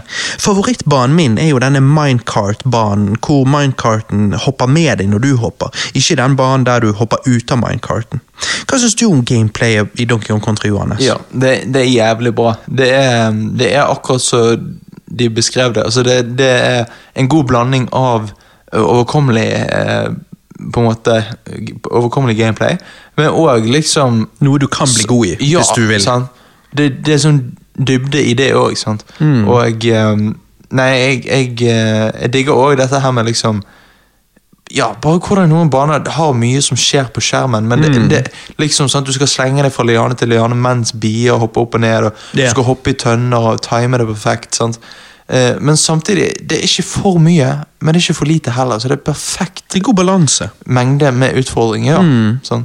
For du vet, noen spill har altfor mye som skjer på skjermen. Ja. Og de kommer vi til seinere. Ja. Men okay. Ja. Nei, det absolutt. Det er, det er en god balanse, og det er det som gjelder. Det, det må til. Ja, for sant. å lage et godt spill. Donkey Kong er jo Donkey Kong, Diddy Kong er awesome, Cranky Kong er vittig, Candy Kong er hat. og Funky Kong er steinkul. Villain, King K. Rool, er jo fet med sin krone og kappe, og alt i alt så syns jeg bare alle karakterene her er utrolig kule. Så du Kim K, eller King King K. King K. Rule. Ja. Det er jo K. punktum rule, men Ja. faktum er jo at han er jo King Cruel. Ja, okay. ja, ja, nettopp. Ja. King Crew. Eh, Er Kiddy Kong med i, i, i dette? Nei, han er jo i treeren. Nettopp. Men, eh, men Funky Kong, jeg syns han er jævla kul. Ja. um, Det er jo han som har den der flybusinessen. Og er- Og og han bare Han bare ser så jævlig Han er så jævlig. Han er bare så en surfedude. ja, han har røykt noe weed. Han bare er så sykt sånn 90s. Ja, ja, ja. Altså, hva, er den gamle? Cranky Kong. Cranky, han er Den originale. Donkey Kong, faktisk. Ja, shit, ja. Fra eh, Arkadespillet. Ja, for han er- skal jo være han der vise mannen, sant? Ja. Liksom. Men han er jo bare sur og bitter og Ja, vittig og ja, ja. kommer med kommentarer og Men hva var det du sa? Hva var det du... uh, Candy Kong, Candy Kong? Jeg husker ikke hun. det er når du lagrer. Den, den er, hun står ved en sånn her Ser ut som en sånn lemonade stand, Ja. og så er det en sånn her um, barrel, så hopper du oppi. Ja. Og når du kommer inn der, så står jo hun bare og slenger sånne slengkyss. Oh, ja, ja, det husker jeg da jeg var liten. Jeg tenkte det var sånn Å, helvete, hva faen eh, Der er en kvinne. Det var, ja, men det var sånn, Oi, hun mener det, hun. Ja, ja, greit. Mhm. så. Det var litt sånn uh, førsteboner, liksom. Ja. Ja, ja, Donkey Kong får seg noe. Han får seg. Um, ja. Ja. Nei, altså um, Det var Candy Kong hun, eh, hun het, sant? Candy Kong. Candy Kong. Høres ut som en stripper på fritiden. Ja, det, det er jo eh, Det er jo litt perverst, egentlig. Mm. Alle disse karakterene virker veldig ekte. De, de står liksom aldri stille. Til og med om du velger å stå helt i ro, så beveger karakterene seg, gjør små morsomme ting osv. Um, det, samme som med den fantastiske grafikken, så, så gjør sånne smådetaljer at spillet blir levende, liksom. Istedenfor uh, power-ups og istedenfor Yoshi, som i Mario-spelet, så har Donkey og Diddy Kong dyr de rir, som switcher opp gameplayet. For ikke å snakke om at Donkey og Diddy Kong er veldig forskjellige å spille som. Donkey er stor og sterk, mens Diddy er mer smidig. Vil ikke du si det? De, er- de er det. De, har, de er gode på hver sine ting, på en måte. Mm. Mens man har, vil jo alltid være mm, Holdt på å si King Kong, men uh, Donkey Kong. Um, men selvfølgelig Diddy Kong på en måte gjør det bedre i noen andre Ja. Han er så rask, og så hopper han så langt, og du, du føler liksom Sant. Men han føles mer sårbar. Han gjør det. Donkey Kong føles sterkere, liksom. Og du, det er jo noen uh, fiender kun Donkey Kong klarer å rulle på. Uh, eller nei Jo, jo, rulle på, hoppe på. Uh, Ja. De der store, feite. Ja, ja. De klarer ikke de de å deale med. Og de der eh, flodhestene Nei, nei. eh, nei, de er krokodiller. De er bare store og feite. Oh, ja, ok. Ja, ja fordi at, fordi De er i at, første bane, tror jeg ja, også. Men de er jo unstoppable når de er på uh, nesehornet. Ja, at uh, Donkey og Didi, når de rir på Ja, Rhino. ja, sant. Ja. Ja, nei, det er absolutt. Og uh, det er det som er kult eh, med dette med Og det samme med så Du sa jo du likte vannbanen. Uh, og Og du sa, sverdfisken. det er det, for du sa jo noe med at ja, folk tenker kanskje de liker best å bare løpe av gårde, og at det går litt tregere på vannbanen, men Ja. en gang du sitter på den sverdfisken, så går jo det unna. Ja, da går det i helvetes fart. Så. Du føler som du har veldig kontroll. Ja. Nei, det er digg det der at liksom For det er det jeg mener med Mario har power-ups, men disse dyrene blir på en måte power-ups i seg sjøl. Det blir det. For du blir litt sånn unstoppable hvis du bruker det riktig. Ja, og så blir det Det blir jo en annen måte å spille på. De har jo andre styrker enn hva Donkey og Diddy har sjøl. Sant? Sant? Som jeg nevnte tidligere, Donkey Kong Country var det første spillet jeg noen gang spilte. Jeg hadde det ikke sjøl, men eh, eh, han jeg først ble kompis med eh, når jeg begynte på skolen, eh, han hadde spillet. Tingen er, han hadde kun Donkey Kong Country. Det var ikke før eh, jeg nevnte et par år seinere at de leide ut Super Nintendo-spill på videosjappen eh, på senteret, at eh, han gikk hen og spilte noe annet. I hans hode så var det å spille Super Nintendo, det var å spille Donkey Kong Country. Spillet var så bra at han aldri følte han manglet noe. Og det sier jo alt om hvor bra dette spillet faktisk er. Altså musikken, karakterene, grafikken, gameplayet og igjen den fantastiske musikken. Donkey Ja. Kong Country er uten tvil et ti av ti-spill, mener jeg, da. Hva sier du, Johannes? Jeg òg gir det ti av ti. Det er ingenting gale med det. Det kunne ikke vært bedre. Eh, det, er, det er pure nytelse. Det, det er tight, det er fett. Det er faen meg nice. Så fikk jo vi Donkey Kong Country 2, Diddy's Conquest, i 1995. Jeg vet at mange liker denne oppfølgeren bedre enn det originale spillet, men jeg er ikke en av de.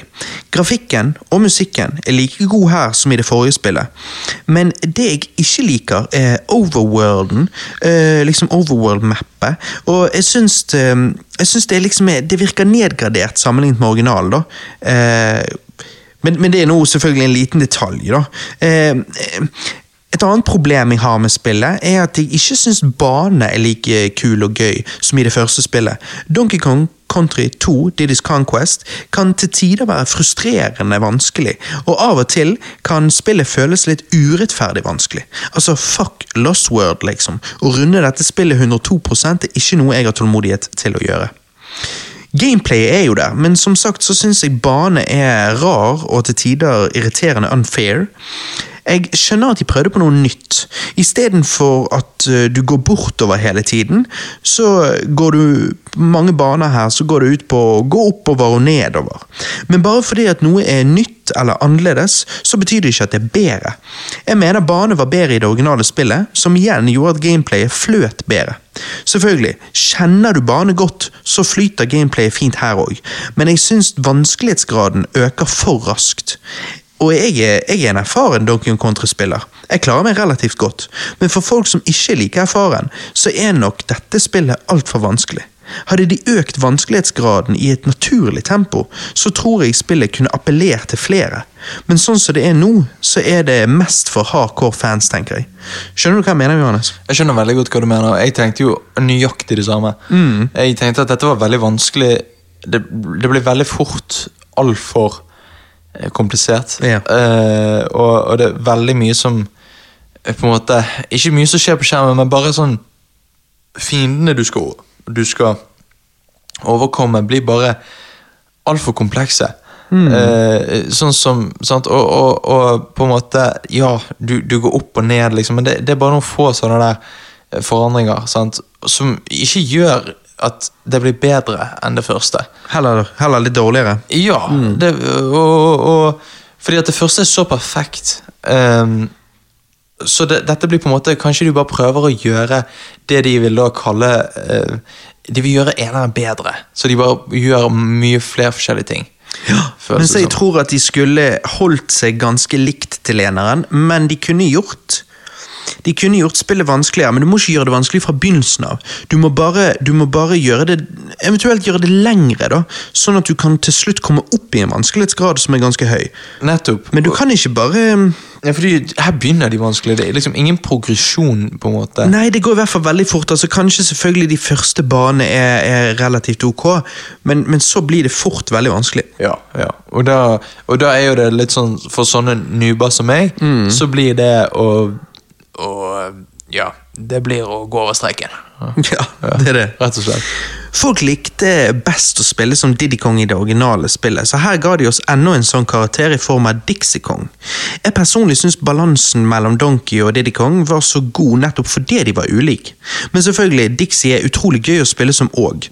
Spillet er designet rundt det at man ofte føler evnene til Dixie kommer godt med.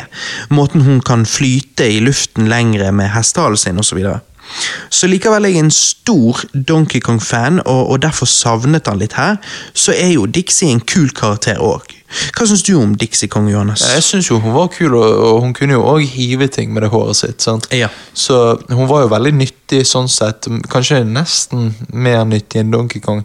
Mm. I hvert fall i dette spillet, da. Så tror, jeg, så tror jeg det er et riktig valg av de å, å utlate Jeg vet ikke om det er et ord, men eh, å, å, og ikke eh, inkludere Donkey Kong. Ja, det er jo faktisk Donkey Kong de skal redde her. Det er jo det. Det er jo det det hele handler om. Ja, så du skal redde helten, liksom. sant? Det er jo litt kul historie i seg sjøl, så Det det. akkurat det er kult. Donkey Kong Country 2 er veldig ofte veldig mørkt. Ikke som i groteskt, det hadde vært, det hadde vært spennende. Det hadde vært spennende. Men mørkt som i mangel av lys. Overworld-mappet er mørkt, mange av banene er det samme, og du vet hvordan i eneren så kunne det til tider regne og snø. I toeren er det mye tåke, skyer og gasser. Jeg syns det gjør ting litt utydelig og ikke kult, men mest av alt så gjør det at spillet ikke gir meg en sånn feel good følelse. Eh, noe jeg fikk mye mer av de fargerike banene i det første spillet, liksom. Ja, altså du, du har en ting Du tåler ikke overskyet et eh, ting. Sant? Det er liksom Lord of the Rings uh, Ja, jeg liker ikke overskyet. Conquest. Ja, det, det, men jeg skjønner det, for det er sånn Det er ingenting fett. Det, du, går ikke, du våkner ikke en morgen og ser det tåke ut, og så bare tenker du, å helvete, det er fett. Sant? Det er sånn, det er jo bare kjipt. Sånn, Så er vi sånn, bergensere vi kjenner til det fenomenet veldig godt. Og det er derfor jeg bare synes det er mye mer feel good å se på Donkey Country 1. my, mye bedre. Og det er, sånn, det er jo det et spill skal være. Det Mm. skal være interessant å se på. Det skal ikke være sånn at du tenker sånn Faen, dette ligner på hverdagen, liksom. Sant? Ja, ikke bare det, men du kan si det sånn det er så, Vi snakket om at i Donkey Country 1 så er det en verden du nesten har lyst til å leve i. du når, tar når, på jeg, du? når jeg spiller, når jeg Ja. spiller Donkey Kong Country 2, så har jeg ikke lyst til å leve i den verden. Nei, nei du, jeg, har- jeg, Same. Jeg har ikke lyst til å, å, å, å eh, På en måte Den, den grabber ikke meg i nærheten av like mye som eneren gjorde. Nei, nei. Det er ikke lenger gratis å lagre. Du lagret jo gratis hos Candy Kang. Eller første gang her, eh, så er det, er det gratis å lagre. Men etter det så koster det to bananmynter å lagre. Du tenker sikkert at du kan samle opp mange bananmynter da, og så er det greit. Og jo da, det kan du. Men hvis du slår av spillet for å komme tilbake til det en annen dag, uansett om du lagrer og alt sånt, så resettes bananmyntantallet ditt. Noe jeg ikke forstår hvorfor de valgte. Det virker som en feil, rett og slett. For meg så så føles helt ærlig Donkey Country 2 på en måte som et veldig, veldig bra fangame, men fremdeles litt som et fangame. Ting virker liksom så rart som en haug med rester og hacks satt sammen, hvordan overworld-mappet fungerer, hvordan bane er designet, osv. Toeren har mer framerate issues enn eneren, og det hele virker litt mindre, mindre, mindre Det virker mindre. Litt grann mindre polished enn i originalen. Yeah. um, nei, men sant, Litt mindre polished enn i originalen. Jeg vet det er en upopulær mening, men hva skal jeg si? Det er min mening. Jeg syns man fint kan beskrive eneren litt som less is more. At det enkleste ofte er det beste. Mens her i toeren tok de ikke den samme approachen. Med det sagt, ikke misforstå. Jeg digger Donkey Kong Country 2. Altså, Som en hardcore Donkey Kong Country-fan så er denne oppfølgeren en super utfordring. Så jeg koser meg med det sånn sett. Jeg bare føler det kunne vært bedre balansert, så spillet kunne appellert til flere folk. Men alt i alt gir jeg Donkey Kong Country 2 Diddy's Conquest sammenlignet med eneren en svak 8 av 10. Som selvfølgelig er en kjempegod score i seg sjøl, så jeg hater jo ikke spillet på noe som helst måte. Jeg bare syns ikke at det er like bra i det hele tatt, som folk skal ha det til, når de påstår at dette er faktisk bedre enn originalen. Ja, jeg hater ikke på noe som helst måte. Jeg bare må drite på det litt. Grann. Nei, Mm. nei jeg, jeg, jeg ser hva du mener. Jeg eh, Ja, For bedre enn original er jo det ikke. Det, det- syns jeg det er jo ikke det, men er det noen som du- faktisk mener det, Jo, da? veldig mange mener det. ja, Det er sinnssykt. Da, For det er greit at du liker utfordringen. Jeg liker utfordringen. Hvis du er god i Donkey Kong Country, så er det gøy å spille dette, for her er det vanskeligere. Men, men, men bedre enn originalen? Nei. er- Som en overall pakke? Den, den ser jeg ikke. Nei, det er, nei, det der er for uh, folk som ikke blir utfordret nok i hverdagen, og da liker de å Da tar de heller uh, seg til uh, Diddy Kongs Conquest. Jeg digger eh, eneren, uh, men det vil ikke si at jeg på en måte hater toeren, sånn som deg. Jeg, jeg gir, jeg gir toeren en En sånn som meg, jeg hater jo ikke toeren. Nei, nei, oi, ja, sorry. Men, Jeg sa jo det nettopp! Hvorfor sier du at du ikke hater det? Sånn som meg. Jeg gjør jo ikke det. nei, Jeg ga jo den svak åtte av ti. nei, nei, nei. For å manipulere uh, ja, reviewen din. Nei, uh, jeg, jeg, jeg, eh, jeg Jeg på en måte hater det ikke, sånn som deg. Jo, det var det jeg mente å si, for du du òg hatet det ikke. Ja, Ja. På samme måte som meg, så hatet du det ikke. Nei, nei, det er det okay. du prøver å si. Det er det jeg prøver å si. Ja. Og så um, Det bare var ikke like bra. Nei, nei nettopp. Og, og eh, jeg ser definitivt det du mener med at det er mørkere, sant, og på en måte um, Ja. eh, men jeg, jeg gir den åtte av ti, jeg òg. Mm, mm. Enig. Vi har vært mye enige hittil. Å ja, å ja. Så har jo vi da Donkey Kong Country 3, Dixie Kongs Double Trouble, som kom ut i 1996. Når spillet kom ut, ble det like mye hyllet av kritikerne som de to forrige spillene. Det kom jo veldig seint ut. Nintendo 64 var allerede kommet ut, men likevel solgte spillet faktisk veldig bra.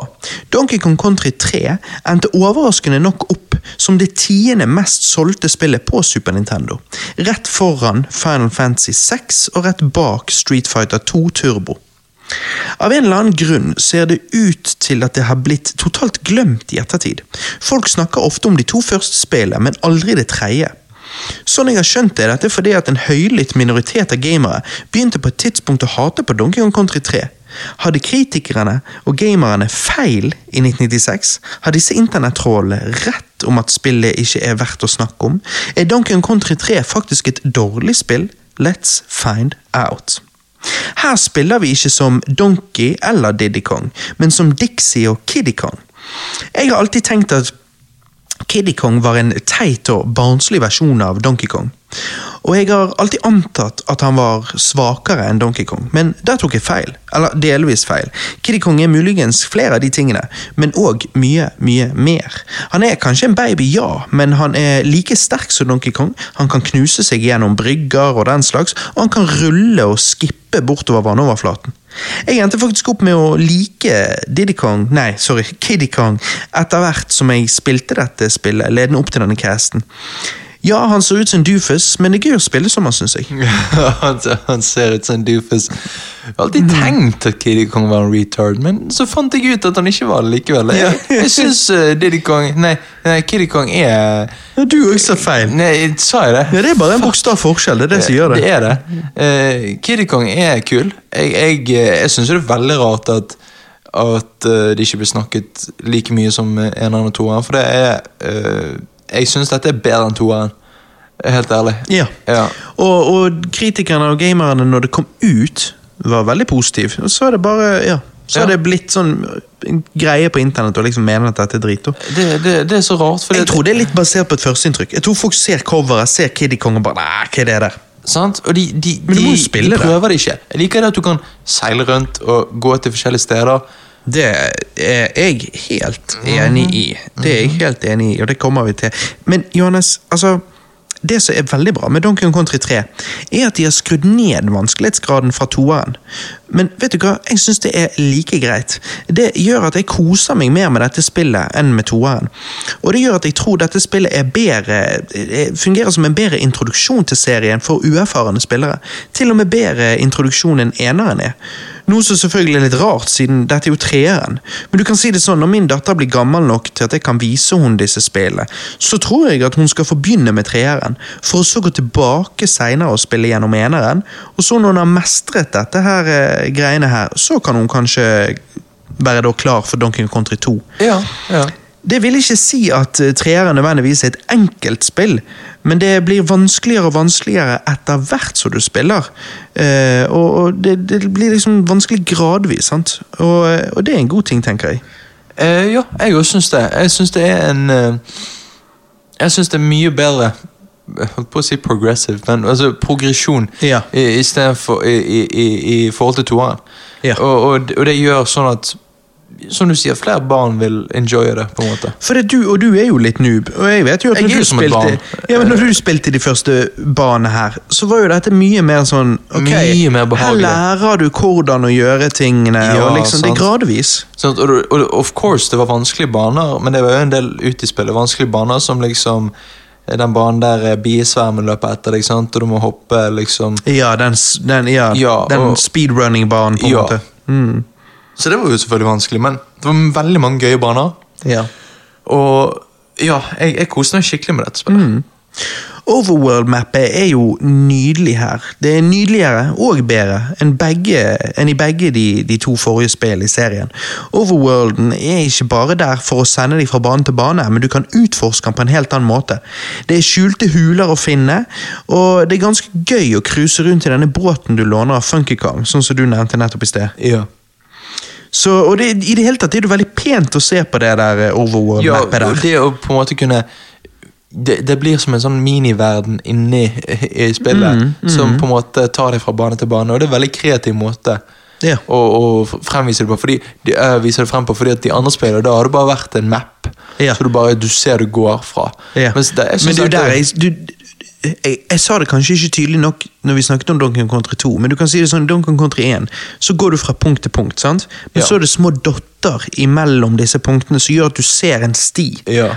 Mens det var det jeg bare syntes var så drit med toeren, for det der er det bare sånn en pil, så du bare trykker, det står hvilken retning du kan trykke, så trykker du ned, så bare, og så flyr han Ja. dertil, og så flyr han dertil. Jeg ble veldig forvirret Du har ikke noen dotter engang, så du, Du har du kan ikke se stien. Det blir Mens- bare mens her er det- uoversiktlig. Mens, mens Ja. her, og her er det kanskje mest sånn du kan kreativt. Si, ja, for du kan si det sånn, her er ikke det dotter, nei. Men her har jo du friheten. Her er jo en det er, Du kan si det sånn, Overworlden blir nesten som en bane i seg sjøl. Og du har, sti, du har jo tydelige stier. Og de, jeg vet at utviklerne sa at sånn som Overworld-mappet fungerer, eller Overworlden fungerer i, i Donkey Country 3, det var det de egentlig ønsket å gjøre med Donkey Country 1. Mm. Ja, men altså, det, det kan jeg skjønne, fordi at dette virker som på en måte det beste. Ja, mer jeg. polert i det ja, hele tatt. Ja. Bane her er gøy, og utseendemessig er banen nydeligere enn noen gang før, spesielt bakgrunnene. Alt er så lyst og fargerikt her i forhold til toeren, hvor jeg syns spillet var ganske mørkt. Bane er veldig unike og forskjellige, noe jeg sitter pris på. Du kan eh, til og med spille noen av banene i en rekkefølge du føler for, istedenfor en tvungen rekkefølge, at du har mer frihet på overworlden der. sant? Og likevel, bossfightene ikke er så komplisert. Et punkt som faktisk var kanskje best i toeren, som vi glemte å nevne. Der var, der var bossfightsene veldig bra. Så syns jeg de likevel her i treeren er alle interessante og gøye å skulle bekjempe. Det som drar litt ned, er at det ikke er et fast-paced spill. Plattformere er ikke alltid kjapp, men eh, jo, ikke plattformere. Platt, platt, platt, plattformingen her, Ja. altså måten du spiller her på, eh, den er ikke alltid kjapp, men eh, fokuset er av og til litt mer på det å utforske. Det er ikke nødvendigvis en negativ ting, men kan slå ned flyten litt til tider. En annen ting eh, verdt å påpeke, er at når det skjer shit, når, skjerm, når det er mye på skjermen og sånn, så kan, tider, kan man til tider oppleve litt slowdown. Akkurat som i det forrige spillet. Hvor jeg ikke kan huske å ha opplevd så mye sånn i eneren. Hva syns du, Johannes, om bane her i treeren? Hva syns du om selve gameplay? Hvordan føles det? Jeg, jeg syns det føles bedre enn toeren. Mm. Altså, Jeg, jeg, jeg eh, syns det var enklere. ehm, og bane, hvordan syns du de så ut? da? jeg, jeg likte veldig godt hvordan de så ut. ehm, Og det var veldig mye variasjon i bane. Eh, Uh, igjen, mer uh, variasjon enn toeren, da, uh, Ja. vil jeg si. Ja, jeg jeg er enig. Eh, Og, og eh, eh, bare sånn fra bane der eh, det er sjø, sant? Du, det, men det er ikke sjø all the way. Det er sånn du, du, Dere liksom svømmer litt, går litt på brygga. sånn. Jeg Ja. husker jo spesielt når du spilte, så tror jeg du også syntes det var kult med den ene banen der du er inni en trestamme, og så kommer det en sag underifra. Ja, ja, den likte jeg. Den Så da må du liksom kjappe deg, og sånne ting òg er kult. Det var veldig kult. Og så de der eh, banene der du må uh, henge i en sånn der uh, stropp, og så eh, går en dør opp, og så går han sakte ned igjen. Så må du rekke å komme eh, Ja, gjennom ja, døren da, ja. Mm. før han går ned. Det, det var kreativt og, og gøy. Ja, det er mye sånn forskjellig her. Ja, og selvfølgelig uh, den ene bossen med den der tønen tønnen som raper. Sånn. Ja, ja det er òg kreativt. Ja, det, men der brukte jeg litt tid, men jeg klarte jo det til slutt. Ja. Så det var, det var veldig gøy mestringsfølelse. Ja, det er, du må kaste, han, han spytter ut tønner, du må knuse tønnen, hoppe på dette insektet, så de snur seg på rygg, så tar du og plukker det opp, kaster det inn i munnen på den tønnen, og da raper han, og så, for han går mot deg sakte, men sikkert, så du kan falle ned på din side, mens du vil jo få han til å rape nok ganger til at han, for når han raper så flyr han bakover, og da er jo håpet at han skal fly ut for på sin side. Ja, og han gjør det til slutt. Mm. Ja. Så det, det er veldig kreativt og gøy. Ja, nei, det, det er masse kule bosser her òg, men, men i toeren er faktisk kanskje de beste bossfightsene. Men de er jo òg mer utfordrende. Her igjen er de kanskje litt mer sånn gradvis. Ja, og det er det jeg liker som en uh, Ja, som en Som en standard. noob. Ja. Ja, Mange tenker på Donkey Kong, Donkey Kong 64 når de tenker på collectibles, som er fair. Men eh, det er tydelig hvor det hele startet. Donkey Kong Country 3 er stappfull av collectibles, og minigames eh, her er gøyere enn man skulle tro de skulle være. Så hvis du eh, liker spill hvor du samler shit, så vil jeg absolutt anbefale dette spillet. Jeg digger jo sånne små easter eggs som at Wrinkly Kong sitter i hulen sin og spiller Super Mario 64 på Nintendo 64. Jeg digger òg at uh, i dette spillet, akkurat som i det første, så koster det ingenting å lagre. Men noe av det morsomste er at Donkey Kong Country 3 um, ser kanskje ikke ut som et julespill, sant? Men hvis du taster inn koden Mary, så vil items, eh, itemsene i bonusbanene, som stjerner og bananer, endres til julekuler og julegaver. I tillegg til at musikken i disse områdene blir byttet ut med julemusikk. What? Så hvis du er en Donkey Kong Country-fan, sånn som meg, så er det en artig ting å bruke julemorgen på. Det, det vil jeg tro. Men det, så det er Mary som i M-E-R-R-Y? Um, Merry. Ja, ja, Ja, som i Merry Christmas. Ja. Mm.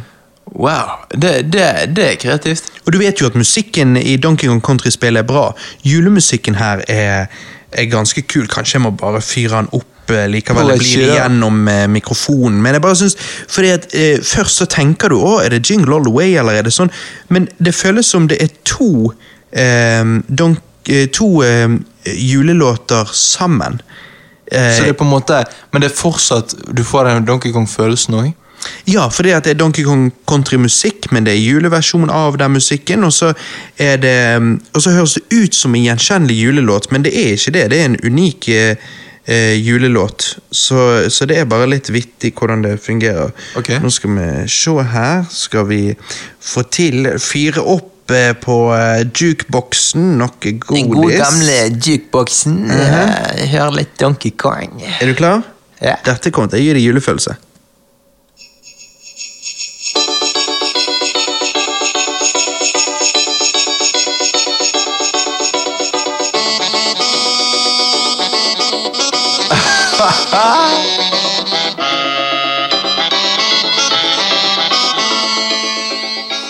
Men sant, det er liksom eh, Robert, mm -hmm. god jul.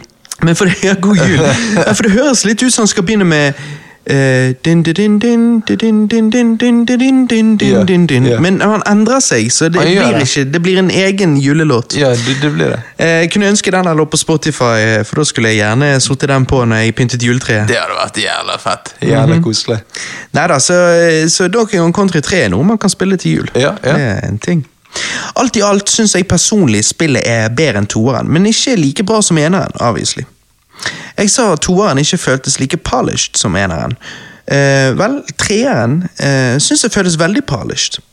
Donkey Kong Country 3 var ikke underrated når det kom ut, men har de siste ti pluss årene blitt eh, av en eller annen grunn eh, blitt litt underrated, syns jeg, av at folk har hatet litt på det på nettet. Eller det vil si, noen har, ikke alle. Jeg har sett plenty av, plenty av anmeldelser med folk som sier det, ja, og sier det samme som meg. At det er, det er tydelig at det er blitt en sånn ukultur om å snakke negativt om dette spillet, men at når de spilte gjennom det, så ser de ikke hvorfor. Jeg gir Donkey Kong Country 3, eh, Dixie Kongs Double Trouble, en sterk 8 av 10. Det er nesten så jeg har lyst til å gi det en svak, svak ni av ti. Ok, for jeg, jeg gir det ni av ti. Ok, ok. Ja, Ja, men kanskje jeg skal gi det en svak 9 av 10. Ja, gjør det, for jeg, jeg, jeg, jeg digget det så veldig. Og det her òg er det en litt en verden jeg har lyst til å Dette er ikke, dette er jo ikke Northern Hemisphere, dette er jo Northern Kremlinsphere. Kremlisfair. Kremlinsphere, Fordi at det er jo eh, disse her krokodillene. Men liksom det er jo litt sånn Canada-type feeling man får. Sant, det er Men liksom når du er på den overworld-mappet der Jeg kunne gjerne levd i den verden. Den- rundt i den båten til Funky Kong. Ja, men jeg har lyst til å se en, eh, se en tegneserie sett jeg, uh, av det. Mm. Uh, Få litt den godfølelsen, og det, det var veldig gøy. Det Solskinn og Tenk en Vet du hva som er fett? En oh. Donkey Kong Country håndtegnet tegneserie. Som skulle, skulle Ah. gått på Fox Kids da jeg var liten.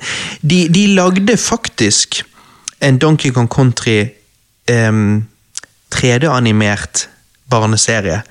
Eh, men den, eh, den fant ikke jeg ut om før mye seinere, for den gikk ikke på Fox Kids ennå, da jeg var liten. Hvor gikk han, da? Eh, nei, altså i statene eller whatever. sånn. Ja, ja, ja. Eh, men den er litt sånn Den er litt weird.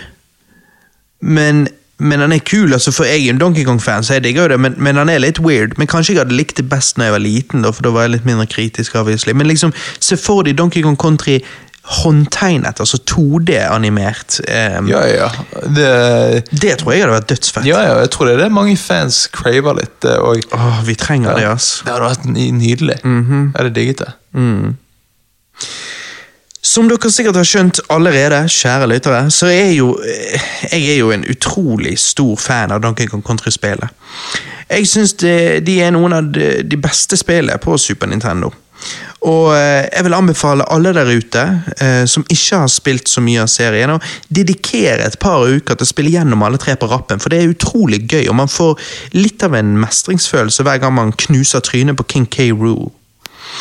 Johannes, nå har vi snakket lenge om alle mulige plattformer, men er det noe Super Nintendo er kjent for, så er jo det RPG-spill. Jeg er en lettvekter når det kommer til RPG-sjangeren, og likevel jeg har litt erfaring med Final Fantasy-spillet, Dragon Quest-spillet og Secret of Mana-spillet, så er jeg langt ifra noe ekspert. For denne casten så tenkte jeg at jeg måtte velge et RPG-spill og dedikere litt tid til. Sånn at vi fikk skvist inn litt skikkelig RPG-preik òg. Jeg endte jo derfor opp med å velge et eh, spill folk flest mener er det beste RPG-spillet på Super Nintendoen, muligens beste RPG-spillet ever, nemlig Chrono Trigger fra 1995. Bak Chrono Trigger står tre utrolige suksessfulle japanske menn. Han som lagde Final Fantasy, han som lagde Dragon Quest, og han som lagde Dragon Ball. Chrono Trigger, som mange RPG-spill der ute, er som en god bok. På den måten at hvis du virkelig dedikerer tid til spillet, så er opplevelsen utrolig tilfredsstillende. Og minnene når du ser tilbake på reisen, kan være med deg i lang tid. Men nettopp akkurat som en bok, så vet du at det er en lang reise du skal på. Og det kan være veldig tungt å komme i gang på denne reisen, kan du si. I begynnelsen er det lett å tenke er dette verdt det? Har jeg tid til dette, eller er det noe annet jeg egentlig skulle brukt tiden min på nå? Lange RPG-spill krever tålmodighet. Sannheten er at det er verdt det. Chrono Trigger er utrolig gøyt spill. Og du vet meg, Johannes, jeg digger jo tits. Altså, eh, altså tidsreisehistorier. Ja. Chrono Trigger Ja. tar deg med på en episk reise gjennom tid, på en utrolig kul måte. Du møter mange karakterer, og fighting-systemet er fantastisk. Utviklerne av dette spillet ga oss mange muligheter her, uten å gjøre ting unødvendig komplisert. Chrono Trigger er et spill du egentlig aldri blir stuck i, og jeg digger at du ikke trenger å grinde. Jeg har aldri egentlig eh, hatt et problem med grinding, men det er deilig å slippe. For første gang jeg, eh, første gang jeg spilte Chrono Trigger, var nå ledende opp til denne casten, og likevel jeg bare har spilt fem timer av det hittil, så er jeg mektig imponert. Jeg kan ikke gi det en endelig score, siden jeg ikke har kommet så langt, eh, men jeg kan si dette. Det første jeg skal gjøre når jeg er ferdig her i dag med å spille inn denne podkasten, er å gå tilbake til Chrono Trigger, for det er såpass bra. Altså, Det beste med spillet er nok historien, og nettopp derfor syns jeg det er synd at det ikke finnes en Chrono Trigger animeserie, eller i det minste en manga. For historien her er såpass kul at til og med folk som ikke er fans av RPG-spill, skulle fått nyte historien. I da en annen form, som for eksempel en anime eller en manga. Hei, Netflix ga oss en fantastisk Castlevania-serie, så det er jo lov å håpe. Det er definitivt lov å håpe, Og jeg liker tids, jeg òg. Ja, Tidsreisehistorie. Ja, ja. Ja, ja, ja. Ja. Som jeg sa i sted, så eh, er jeg en lettvekter når det kommer til RPG-spill. Og jeg er derfor eh, helst på spill som mer minner om RPG-spill, men som er litt enklere å komme inn i, håper jeg å si. Et av eh, de beste spillene som er sånn på Super Nintendo, er jo da selvfølgelig The Legend of Zelda A Link to the Past, eller som det het Japan på Super Famicom, The Legend of Zelda Triforce of the Gods fra 1991.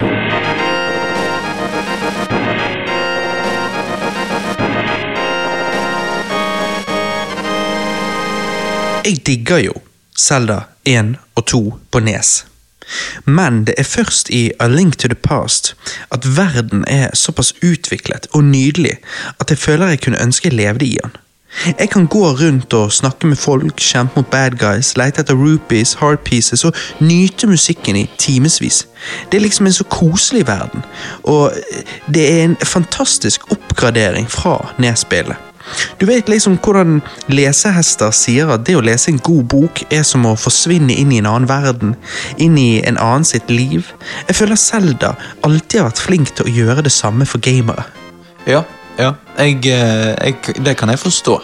Selv om på en måte jeg ikke er like betatt av, av denne verden. Men han er. jo veldig velutviklet. Han er jo det. Eh, for Og han er jo veldig pen hvis du sammenligner med Zelda 1 og 2 på Nes, så er jo han mye finere her. Ja, ja, uten tvil. Grafikken er jo en tydelig oppgradering. Ja, ja. Det som er så gøy med Zelda, er at du ikke bare har et sverd og et skjold, men så mange andre ting òg, som bumerang, pil og bue, bomber og en hookshot, som ble standarden i Zelda-spillet i lang tid fremover. Grafikken er kul og fargerik, for ikke å snakke om eh, det kule Mode 7-kartet. Musikken gir deg følelsen av at eh, du er på et episk eventyr, og alt i alt syns jeg spillet er veldig imponerende for å være et 1991 Super Nintendo-spill. Det er så mye å utforske her. Det er en så levende verden, og det er rett og slett en fryd å spille gjennom. Skal jeg si eh, en negativ ting om spillet, så må det være at selve historien er litt mye og kan være litt forvirrende.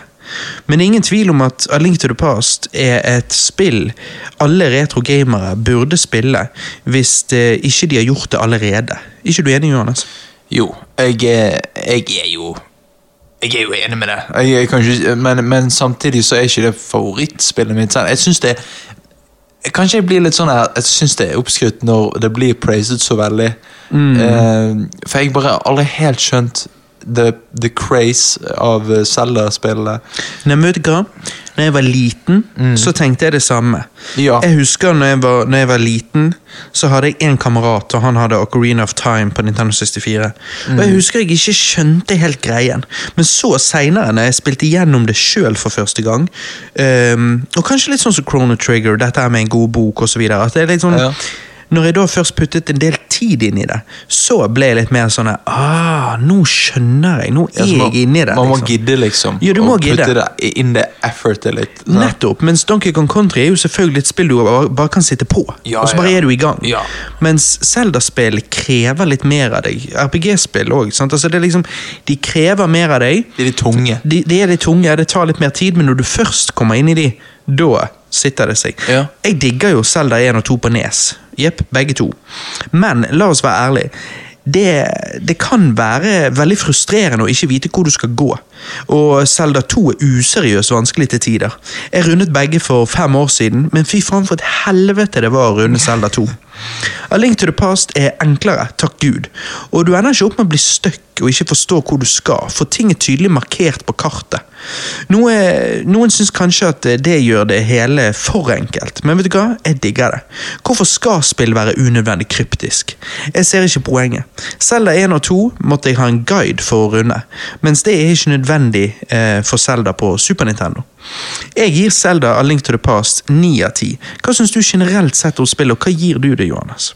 Vel, jeg gir eh, Jeg, jeg syns spillet altså sånn, jeg, ble, jeg ble positivt overrasket av dette spillet, fordi at uh, Først så slet jeg litt med å skjønne, uh, akkurat som jeg gjorde på, på Nes-spillet. mm. så slet jeg litt med å skjønne hvor jeg skulle. Uh, og sånn Men til slutt Helt i begynnelsen der? Ja. Oh, ja. Uh, sant? Men til slutt skjønte jeg at jeg skal, jeg skal ned i det hullet for å komme inn i borgen. Ja. Sant? Og, og, eh, og da liksom begynte det å rulle. sant? Um, og jeg bare digger um, Jeg digger hvordan det ser ut inni borgen. Og uh, jeg, jeg liker det at uh, Ja, at, at på en måte Det, det blir ikke for vanskelig, men det òg er passe nok utfordring. Ja, det er det. Og som, som sagt, jeg syns verden er, er interessant. Uh, det er bare det at jeg aldri har helt skjønt uh, Zelda-verden og hvorfor han er så fascinerende. Mm. Men jeg, jeg eh, ble veldig positivt overrasket av- dette spillet. Jeg tror det er mye blanding av puzzles i dungeons Ja. og verden.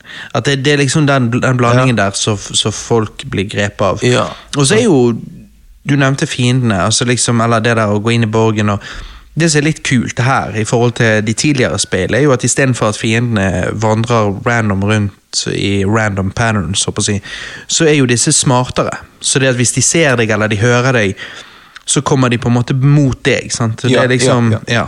Så det er er er en oppgradering, kan du si.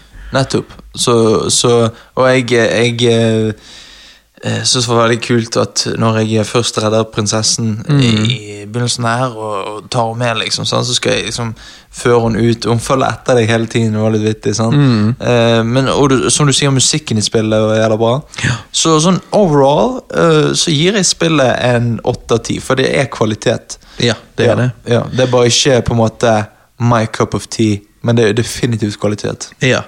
Nei, da ville du heller spilt noe som man kan bare sitte på, og da blir Ja. det oftere eh, plattformere, eller beat em ups, eller shoot em ups, eller litt sånne ting. Ja, så det er på en måte smak og behag. Men for noen det. som liker eh, litt sånn tyngre og, Ja, og litt sånn eventyr. Og, ja, RPG, liksom Det er Da vil jeg si at det, du, det er veldig bra. Johannes, vi har jo spilt eh, begge to ett spill, som er et legit RPG-spill. Likevel det ikke nødvendigvis er like dypt som eh, Final Fantasy, Dragon Quest, Secret of Mana, Chrono Trigger og de der. Nintendo, kjent for sine Mario-spill, teamet jo opp med Square, som er kjent for sine fantastiske RPG-spill, og lagde Super Mario RPG Legend of the Seven Stars i 1996. Det er jo fantastisk grafikk her, og musikk. De kjører samme prerendret 3D-grafikken som i Donkey Kong Country her, og vi vet jo at jeg har et softspot for den stilen. Spillet har eh, vittige karakterer og enda morsommere dialoger.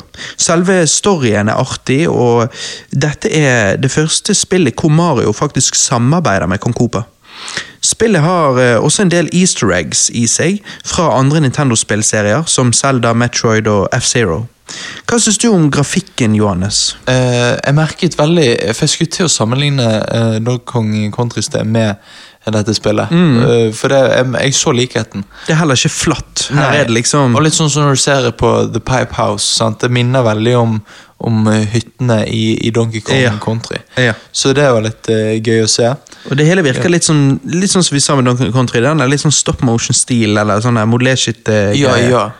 Den, den går igjen, liksom. Det er stop motion, akkurat, akkurat som du sa det. ja. Så ja, det, det er veldig nice. Men, eh, men du kom jo ikke langt i dette, da. Jeg gjorde jo ikke det, fordi at eh, jeg har jo en tendens, og det går jo igjen i mange av disse spillene, en tendens til å bli stuck og ikke skjønne hva faen jeg skal, og hvor jeg skal, hvordan jeg kommer meg videre. Så du, du kom jo ikke kom ikke deg videre enn tittelscreen heller. Nei, da, Første gangen gang du skulle det. prøve dette, så Ja. istedenfor å gå opp og trykke på new game, så drev du trykte på tomme save files, Ja. og forsto ikke hvordan å komme deg i, Så ikke bare kom ikke du i gang med spillet, og kom ikke videre i spillet, men du kom ikke inn i spillet. Jeg kom jeg kom jo ikke jeg, jeg fikk jo ikke i gang, så jeg, jeg tenkte jo bare sånn Fuck it. sånn. Og så Eh, viste jo jeg deg til slutt hvordan det skal gjøres. Ja. Ja, Vi har jo ikke fortalt uh, ennå hvordan jeg Når jeg skulle begynne å spille s- opp spill eh, nå til denne casten, så skulle jeg ha i kontrollen i snesen. Å ja, det var jo enda verre. Eh, fordi at eh, Johannes spilte jo på Super Nintendo Mini, den skal vi også snakke om seinere. Men eh, og da må jo du eh, underifra dra ut denne flippen som står foran, for å så plugge i kontrollen. Ja. Mens der holdt jo du på en halvtime med kniv og alt mulig, at du skjønte jo ikke det. Ja, jeg skjønte det ikke, og så ringer jeg deg, og så blir det gjort på 20 sekunder. Og så eh, Det er, det er helt utrolig. Det er, gal, det er galskap, Robert. Du er ikke tech-savvy, du er en 60 år gammel mann. Jeg er det, og eh, det lover ikke bra. Det gjør ikke det. Man, altså, Hvordan hvordan, blir du da? Når, når jeg faktisk blir en gammel mann. Da kommer ikke til å komme opp av sengen engang. Nei. Jeg kommer til å ringe deg og bare 'Robert, hvordan reiser jeg meg igjen?' Hvilke, fot, hvilke cyborg-fot er det man bruker først? ja. Oh. Men så kommer du litt i gang med spillet, men så blir du stuck igjen ganske fort. Ja, eh, ble jo det. Eh, Det, det, er- det òg en del som bidrar til frustrasjonen min når det kommer til retrospill. Eh, ofte. Ja. Eh, jeg bare jeg, jeg av og til bare Jeg stopper, og så aner jeg ikke hvor jeg skal, så må jeg på nettet og søke hvordan komme videre, og så greit. kommer videre. Jo, men det er en greie med RPG-spill. Det er derfor den sjangeren bare er ikke for deg. Nei, nei, det er ikke for meg. Merker det. Super Mario RPG kom jo ut på Super Nintendo rett før Nintendo ga ut Nintendo 64, med det fantastiske spillet Super Mario 64. På grunn av eh, dette gikk Super Mario RPG under radaren for mange, spesielt siden spillet aldri kom ut her i Europa. Ikke før i 2008 ga Nintendo eh, ut spillet på Wii Virtual Console, hvor jeg spilte det for første gang. Super Mario RPG fikk aldri en direkte oppfølger, men eh, flere spirituelle oppfølgere, i form av Paper Mario og disse her eh, Mario og Luigi-spillene på håndholdtkonsoller som Gameboy Advance og, DS-en. Paper Mario-spillet må jeg spille gjennom en vakker dag, men en en, en, en direkte oppfølger eh, til Super Mario RPG med en lignende grafikkstil hadde vært utrolig kult om vi, om vi kunne fått på Switchen. Jeg kjenner jeg får lyst til å synge If, If I Can Dream av Elvis her, men eh, jeg skal la være. Jeg gir Super Mario RPG Legend of the Seven Stars en eh, sterk åtte av ti. Eh, du har vel egentlig ingen score å gi? Jeg har jo Det ingen score, det blir jo basert på På fem minutter av spillet. På fem minutter, Det blir basert på frustrasjon. Så jeg tror ikke jeg skal egentlig kommentere meg så mye Nei. på dette spillet. Jeg- vil jo bare si at det var veldig gøy om du hadde sunget If I Can Dream. Eh, Du er jo Elvis. veldig Elvis-fan, Robert. Det er jeg. Eh, og du kan drømme. Jeg kan drømme. Det er fullt lovlig. Det er det. Når du ser på grafikken her, Johannes, i Super Mario RPG og Donkey Kong Country-spillet, og sammenligner du de med PlayStation sin grafikk, ta eksempel eh, det spillet som blir hyllet mest på PlayStation, Final Fantasy 7. Altså, Da snakker vi om original PlayStation, sant? Ja, ja, ja. Du har jo òg spilt em, eh, Silent Hill og sånn, sant? Ja. Men, men ta, ta Final Fantasy 7, da. Ordet jeg vil beskrive grafikken der med, er spiss. Spiss som i at det er så røffe kanter på karakterdesignet. Du føler du kan stikke deg på håret til Cloud som om det var en nål. For ikke å snakke om de fucked up, latterlig stygge armene hans. Altså, what the Ja. fuck? Grafikken er upen. PlayStation var den gangs next gen console, og likevel hadde Super Nintendo en bedre og penere grafikk, syns jeg, basert på Super Mario RPG og Donkey Kong Country-spillet. Men to its credit Prøvde ikke de å se mer realistisk ut? Var ikke Nintendo litt mer cartoonish? Jo, men vil du si at altså Nå puller jeg opp et bilde her da, av eh, Cloud i puller Final- opp? Ja, pull it up, Jamie. Pull that shit up, ja. Um, Jamie, ja. sant? Cloud i Final Fantasy 7. Hvis du vil si at um, at dette er mer realistisk enn en Mario i Super Mario RPG, så, um, så blir jeg surprised, altså. Um, fordi at Jeg vil jo på ingen måte si at dette er noe mer realistisk. Jeg syns jo bare dette er upent, og som jeg sa, spist.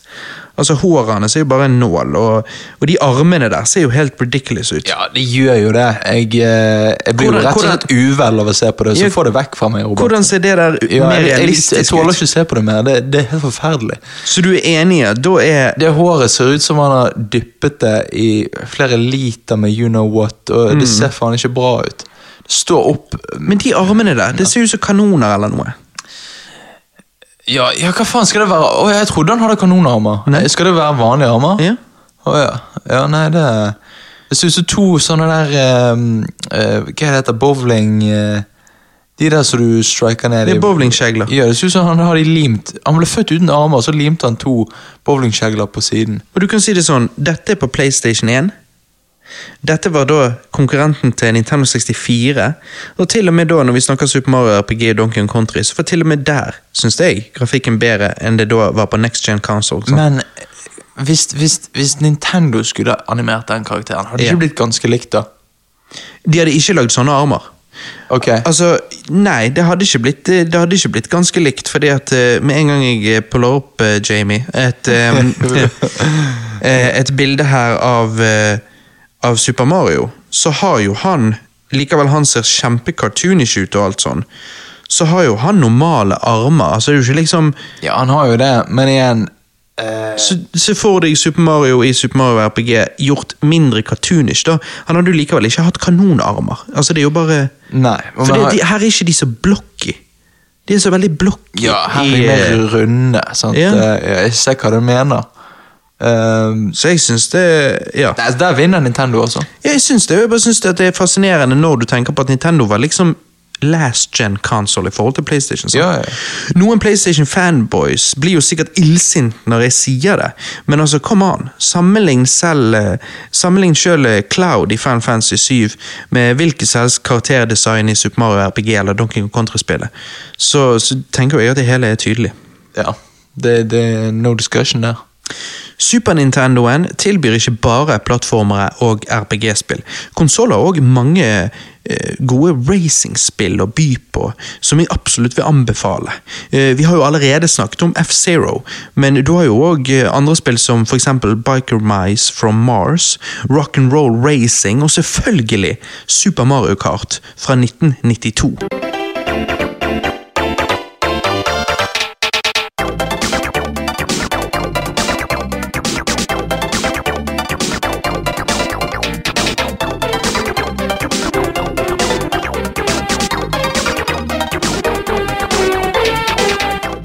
Altså, Jeg elsker jo Mario Kart-serien. Jeg vokste opp med Mario Kart 64, men å gå tilbake til dette Super Nintendo-spillet er good times, altså. Det er et ganske simpelt Mario Kart-spill, obviously, men jeg liker det. Jeg eh, får litt den der hei, det enkleste er ofte det beste følelsen. Eh, Det kan være litt vanskelig å kontrollere i begynnelsen, kanskje, men men eh, man blir fort vant til det, og det å teppe på bremsen i svingene gjør det hele mye enklere. Det å drifte i Super Mario Kart er ikke så enkelt, syns jeg. Eller hva sier du, Johannes? Hva syns du om Super Mario Kart i det hele tatt? Ja, jeg syns, det ble altfor enkelt, jeg. Okay, For ja. meg ble det alt for enkelt. Jeg kom på førsteplass hver gang. ja, men det er jo ikke det er litt kjekt, da? Jo, det er jo kjekt. For det er jo noe du er helt uvant med når Jo, det kommer til Super Mario Kart. Jo, jo, men man blir jo Du kommer jo alltid på sisteplass når vi spiller Double Dash. Nei, nei, nei jeg, jeg blir jo da nøm til slutt, for den vinnermuskelen blir jo utslitt. sant? Men da må jo du bare øke vanskelig- vanskelighetsgraden. Vanskelighet. Men jeg, jeg, jeg, prøvde. Eh, fortsatt førsteplass, førsteplass. Ja, ja, jeg kom på fjerdeplass én gang, men liksom Det er sånn Jeg syns det er liksom Selv om du ikke skrenser, selv om du gjør egentlig en litt ræva jobb, så klarer jeg å vinne. Å, ja. ja, jeg, Ok. ja. Jeg kjørte liksom utenfor banen mange ganger, men klarte fortsatt å vinne. Hmm. Um, men i, igjen, jeg syns svingene er vanskelig. Um, ja, altså det å, å sladde, på en måte, eller hva skal du. Si? Drifte. Um, men eh, sånn alt i alt så er jo det ganske sånn Det er greit, sant? Det er ikke noe sånn Det er ikke dårlig. Eh, Jeg syns det er entertaining, og du er spiller toplayer, Ja. så er jo det good men, times. det, så- men, men, men, men, ja, men det er ikke vits å, å, å spille du, hvis du har Mario Kart 64. Sant? Altså, Nei, det er jo litt det, da. Det er jo litt det. Da, eh, da må det være fordi at du liker Super Nintendo, liker retro gaming og sånn. Og liker gaming såpass mye at, uh, at du har lyst til å spille litt forskjellige Mario Kart-spill. Mens de folk flest spiller jo alltid bare det nyeste, selvfølgelig. Ja. Men eh, Super Mario Kart har jo to ting F-Zero manglet. Items og to player. Men F-Zero har én ting Super Mario Kart mangler, og det er speed. Super Mario Kart og F-Zero er derfor to veldig forskjellige racingspill, men de er begge utrolig gøy, syns jeg. da. Jeg eh, jeg vet ikke hva mer å si. Alle vet hva Mario Kart går ut på. Alle vet at Mario Kart er good times, men Ja. jeg gir det første spillet i serien, Super Mario Kart, 8 av 10. Jeg syns det er entertaining. ja, I hvert fall hvis du har en å spille med. ja, Det er det mest etablerte spillet, tror jeg. Alle som, Til og med folk som ikke er så into gaming, eh, har spilt det. Alle har spilt Mario Kart. Ja, eh, og det er Et eller, et eller annet Mario ja, Kart. ja, og det er fordi at konseptet er genialt, og spillet er veldig gjennomført. Mm. Men jeg gir dette et syv av ti pga. kontroll og pga. at vanskelighetsgraden ikke er der. Sånn som den er på Nintendo 64. Ok, så det, da, det jeg har litt lyst til å se da, er spill, eh, det jeg spiller Special Cup på den vanskelig, største vanskelighetsgraden. Altså, jeg det sånn bring it on, liksom. Det er jeg spent på om du Ja. hadde klart. Ja, Mm. jeg også. Ja, men jeg skal, en dag skal jeg vitne at du runder Super Mario Ja, Kart. det, Det hadde vært spennende. Det får du vitne. Ja. Andre spill jeg syns det er good times og vil anbefale på Super Nintendo, er jo spill som er basert på kjente karakterer eller franchises. Spill som Aladdin, Løvenes konge, Mickey Mania, Teenage Mutant Ninja Turtles 4, Turtles in Time og Goof Troop. Husker du Goof Troop, Johannes? Åh, Goof Troop. Good times. Det er bra sånn toplayerspill. Det er jo sånn co-op. Ja, det Ja, det er co-op. og- Det er litt sånn puzzle solving, litt sånn Ja. Zelda-stil, Ja, jeg digger hvor cartoonish det er. Mm. og nei, det er bare feel good eh, over hele driten. Mm. Og liksom eh, Ja, det er så puzzle, som du sier.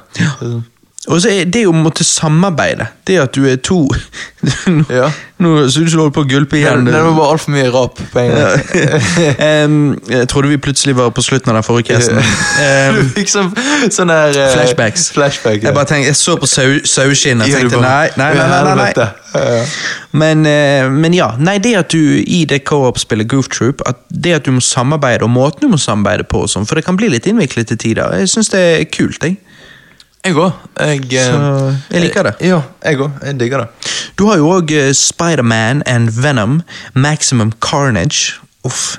Maximum Carnage er så jævlig vanskelig.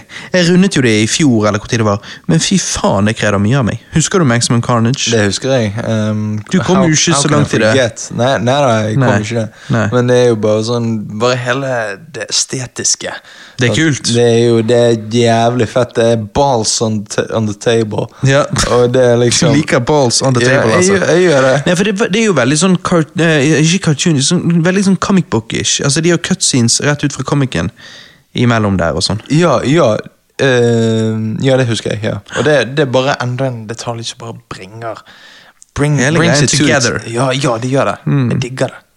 Så har du andre gøye spill som Contra 3, Legend of the Mystical Ninja, eh, NBA Jam, On the Ball, Street Fighter 2 og Megaman X-spillet. Jeg har ikke spilt noe særlig Megaman X, men eh, har du spilt litt Megaman X? Jeg har spilt eh, Megaman X. Og Megaman kan- X? Megaman X. Så du har spilt Megaman X? Jeg har spilt Megaman X, og du Ja. vet, det jeg har å si om Megaman X, det er sånn at det skjer så jævlig mye på skjermen på en gang. Hva i helvete? Ok, Du begynner å spille, og så kommer det biler mot deg, og du tenker å helvete, de må dodge. Nei, nei, de er bare en del av bakgrunnen. Men det, det er jo umulig å se at de er en del av bakgrunnen, fordi at de er jo på samme levelet som plattformen du står på. Ja, Jeg kødder ikke engang. Hvorfor, hvorfor ser du på meg på den måten? Nei, jeg bare tenker, å, Det hørtes litt sannsynlig ut at jeg har gjort det på den måten, men Ja, ok. ja, men det, det er sånn. Ja. Jeg, tenker, jeg tenkte sånn, what, ok, hva er bakgrunn og hva er virkelighet, sant? Ja, ja, Eh, Virkelighet, faktisk. Ja, bakgrunnen er bare, finnes ikke. Åh, når du spiller Super Nintendo, og du bare Wow, hva er virkelighet, og hva er spill her? Da, er, da er du begynt å få på deg Super Nintendo-briller. Da, da er det. Ja, nei, eh, så jeg jeg uh, syns det skjedde veldig mye på en gang. Altså Mm. Fiendene kommer jo he hele tiden.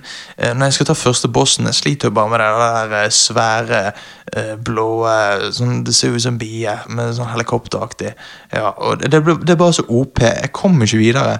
Jeg, jeg, jeg synes Det ble for liksom- vanskelig for deg. det ble for vanskelig, uh, og jeg måtte bare reache inn i min eh, indre noob og, og dra ut øh, Jeg klarer ikke det kortet. Så Jeg, mm. jeg må dessverre disappointe. Jeg gir det en fem av ti. Jeg syns det var ræva, jeg. Men jeg, jeg, jeg, jeg, Ja, men det der er jo objektivt feil. ja, jeg vet at det er objektivt feil, men for en noob som meg, Ja. så, så må jeg klare det for at jeg skal like det. Ja, jeg gjør det bra. Det er vittig. Nei, for Jeg har hørt at Megaman X er tidenes, men eh, jeg skjønner. Jeg skjønner. ja. Nei, jeg hater er man meg. noob, så er det hardt. Ja, det, det forstår jeg. Jeg tror folk forstår hvorfor jeg gir det det.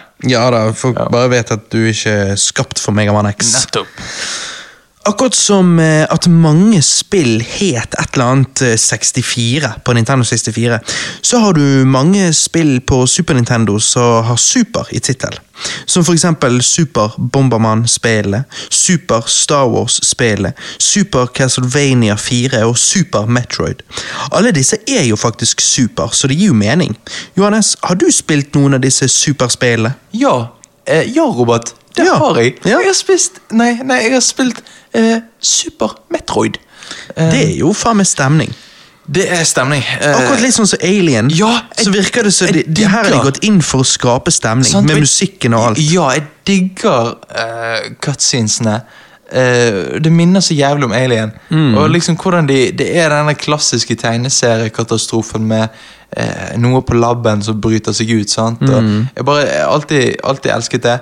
Eh, og du er jo denne hovedkarakteren sånn som liksom forteller alt i begynnelsen. Mm. Og bare hvordan du, du bare ser liksom blikket opp fra hjelmen. sant? Ja, ja, gjennom det Ja, grønne brillegreiene. Ja, det er jævla badass. Mm. Og, um, og når du, når du da kommer ned på den planeten og liksom skal uh, se på dette her uh, greiene her, sant Mm. uh, og så um, må du kjappe deg ut igjen. Eh, for self-destruction har begynt sant, på skipet. Eh, eller, det er vel en planet, ikke Nei, helt i begynnelsen er det romstasjon, så kommer Ja. du til planeten. Ja, nettopp. ja. uh, og da var det liksom Ja, så det er jævla thrilling. Ja, det minner meg veldig om, om Ja. slutten på Alien, da, kan du si. romstasjon. Ja, nettopp. sant Eh, Så jeg Men jeg digger uh, Metroid, altså. Gi den åtte av ti. Ja, ja. Nei, det, er- det er veldig atmospheric. Det er det. Det er det. Det er det som å se på en film, nesten. Og eh, ja, nei, det, det er veldig, veldig kult. Så har du eh, Super Famicom-spill, altså spill som eh, kun blir gitt ut i Japan, som man kan importere. da. Eh, spill som eksempel Battle Pinball, et fantastisk pinball-spill. Det er super crazy, skikkelig eye candy, det skjer liksom veldig mye på skjermen. Og det er et fett spill å bare chille og spille mens du hører på en podkast eller noe. Du, du, er du med å chille og spille, eller? Er du med å chille og spille? Du, skal vi chille og spille litt, da? Et annet Super Famicom-spill er jo Tetris Battle Guiden. Jeg er jo en purist, så jeg, eh, jeg liker best Tetris på nes. Men eh, hvis ikke du spiller en hack av det, så kan du kun spille énplayer på nes. Mens i Tetris Battle Guiden kan du spille toplayer. Pluss at spillet er skikkelig sånn japansk, så du, du kan spille som artige karakterer med forskjellige powers osv. Vi spilte jo en del Tetris Battle Guiden i fjor, gjorde vi ikke? Jo, og eh, jeg er jo en sucker for det. Fordi at eh, det er enkelt, det er rett to the case. Sant? Mm. Down to earth. Eh, Det er det jeg trenger. Mm. Og Det var en ny vri. Det Ja. er rett to the case. Det er rett to det the var, case. Det var en ny vri på cut to the chase. Ja, det er jo Ja. litt sånn som Men det er interesting. Rett to the case. Ja, rett to the case. Ja, og, nei, jeg digger det. Til slutt så vil jeg snakke om spill som virkelig pushet Super Nintendoen med denne Super FX-chipen. Spill som Stunt Race FX, eh, Winter Gold og Star Trek Starfleet Academy, som faktisk er et ganske bra Star Trek-spill. Men kanskje det beste, eller i hvert fall det mest kjente spillet av, eh, av de alle, er jo selvfølgelig Star Fox, aka Starwing, som kom ut i 1993.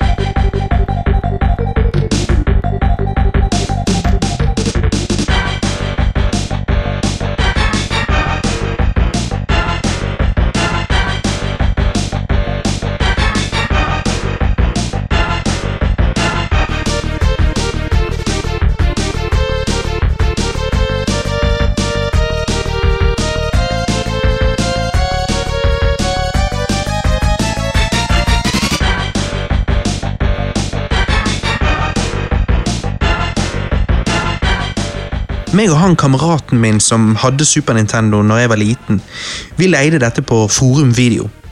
Ehm, jeg syns jo den gang at Donkey Kong Country var imponerende sånn grafikkmessig, men Jesus, Star Fox går jo above and beyond, og kom faktisk ut et år før Donkey Kong Country.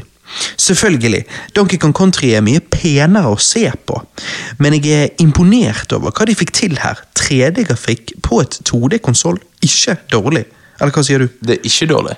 Eh, jeg koser meg alltid med Star Fox. Mm. Det, er jo, det er jo thrilling, og du bare føler liksom du er midt i actionet. Litt som å være med i Star Wars, på en måte. På en måte. Ja. I Trench Run på Star Wars, liksom. Og, men det er jo altså det er jo rett og slett fascinerende at de fikk til den grafikken her på Super Nintendo. Det er det. Eh, det føles nesten som et eh, PlayStation-spill av og til. Ja. Uh, uten tvil. Uh, Ja, for det er egentlig et next gen-spill på et last gen-konsoll. Ja, ja, det, det er det. Det, så det gjør det veldig sånn Veldig sånn A moment in time, som er litt rart. Ja, for dette var før Nintendo 64, men vet du hva? Det var et år før PlayStation 1 òg. Ja, ja, ja. Så det var revolusjonerende for sin tid. Absolutt. Og jeg bare digger konseptet, liksom med eh, de eh, På en måte um, Du har jo en- Altså en rev, en kanin At dette er liksom dyr som Ja. er i space og, og, og Hva det heter Fox McCloud og Peppy the Frog? Nei, jo. Ja, så er det en annen fugl. Um,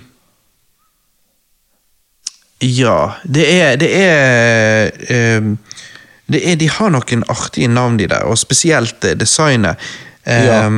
Skal vi se her Designet er jo jævlig fet. Ja. Ja, og, eh, og liksom hvordan det kommer opp, eh, akkurat som i Star Wars, det er når du bilder fra inni cockpiten, og så at de roper på at de trenger hjelp, eller whatever. Ja. Sånn. Det er kult.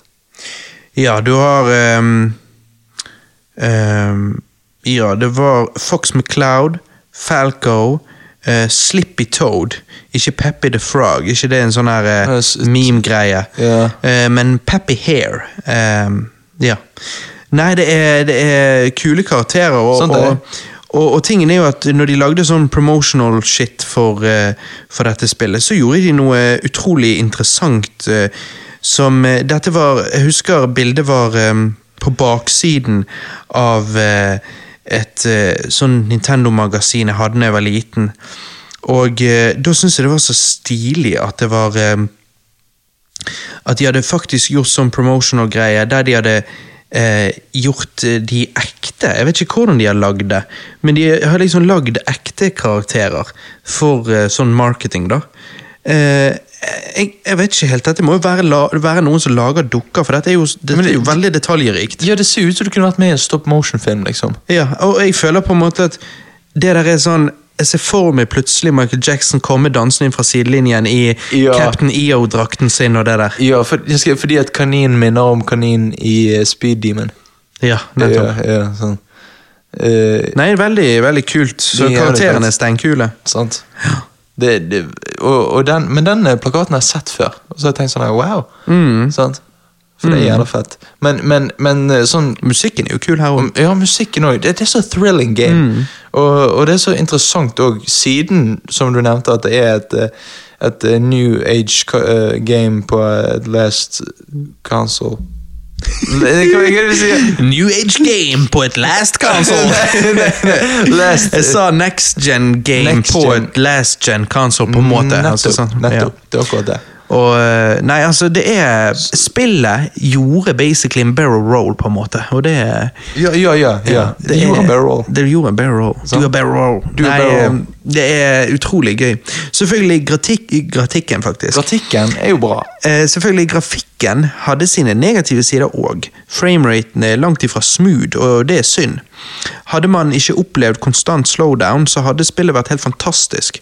Men for meg drar det kraftig ned. Det er jo trist å måtte si det, for jeg vet at de gjorde sitt beste og brukte masse tid på å prøve å redusere disse framerate-problemene, men problemet er fremdeles tydelig, og det hindrer Star Fox i å være et 10 av 10-spill, for å si det sånn.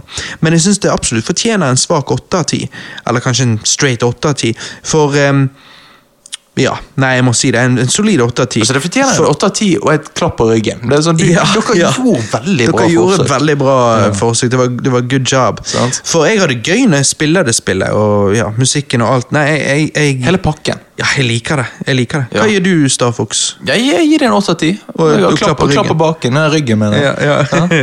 Og liksom, jeg digger det.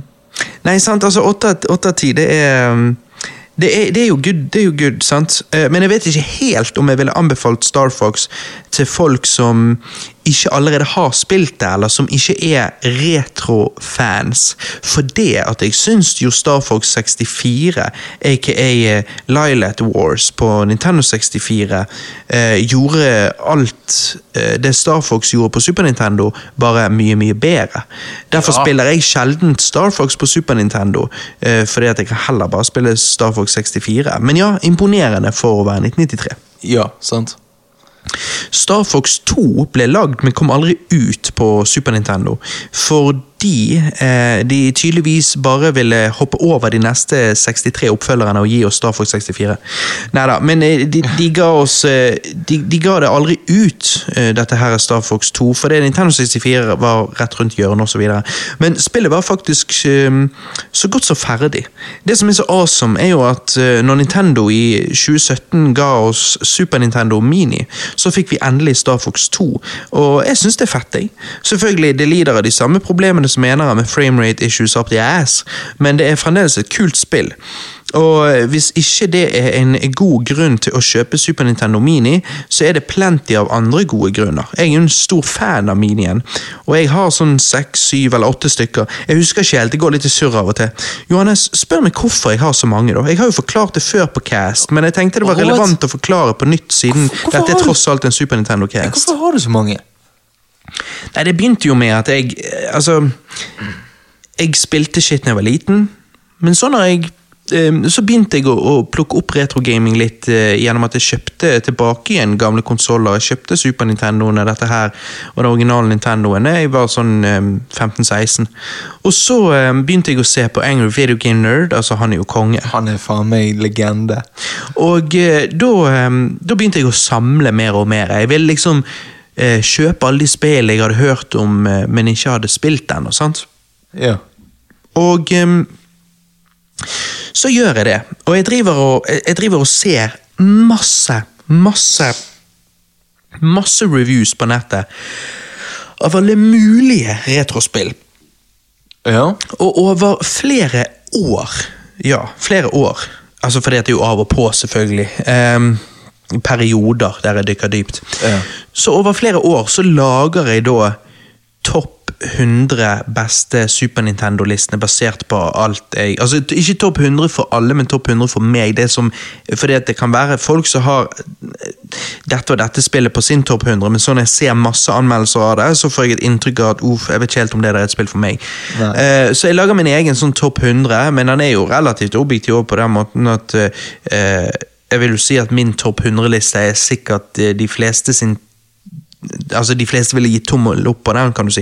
Men anyways. Du, du er jo Gud, og på en måte, Nei. du har jo de beste meningene. Nei, nei, nei, men, men at liksom de, de, de 100 beste er jo de 100 beste. Det er jo, alle er jo enige om Donkey Kong Country, alle er jo enige om Sant. Star Fox, alle er jo enige om Zelda, alle er jo enige om Chrono Trigger, alle er jo enige om mange av disse her. Men anyways. anyways. ja.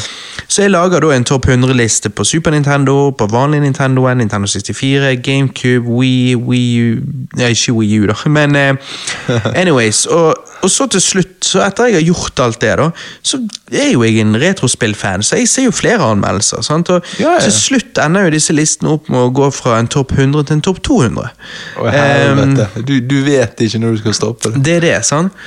Men jeg har, også har jeg liksom så veldig lyst til å spille alle disse sjøl. Og igjen, jeg samler og kjøper og kjøper spill, og så til slutt så står du og ser på dette spillrommet ditt, og så tenker du Fuck, altså, det er mye penger, dette her. Sånn? Det er jævlig mye penger. Og da, når de da gir ut Super Nintendo Minien, så ser du på den spillveggen din på, på, på spillerommet og på hylle der, og så tenker du ok, hvis jeg kjøper den minien, og så hacker jeg den, og putter alle disse spillene på den, og dette er jo official release, dette er ikke en retropie, og det er mange som liker det, men jeg, jeg liker når det er liksom official, sant? det skal være ekte Nintendo, sant? og det ser ut som en Super Nintendo, sant? og Ja. det er Super Nintendo-kontroll. sant? istedenfor du har folk som spiller liksom, emulerer shit på PC, En, de spiller på en PC, to, de spiller da med en Playstation-kontroll eller et eller annet, altså det er helt Ja. unaturlig for meg, jeg må ha the real experience, så Innrømmer du hacking nå på luften? Uh, ja, herregud. Ok. Ja, altså det var jo Roger som gjorde det for meg, men ja, liksom... ja. Du, vet jo, du kan ikke kontrollere hva Roger gjør. Nei, nei, nei, nei, Nei. Roger på hjørnet jo han som alltid laster ned filmer eller hacker konsoller. Det er jo ikke noe vi gjør kontroll. Kjære politimann. Men eh, Hvis vi har noen politilyttere.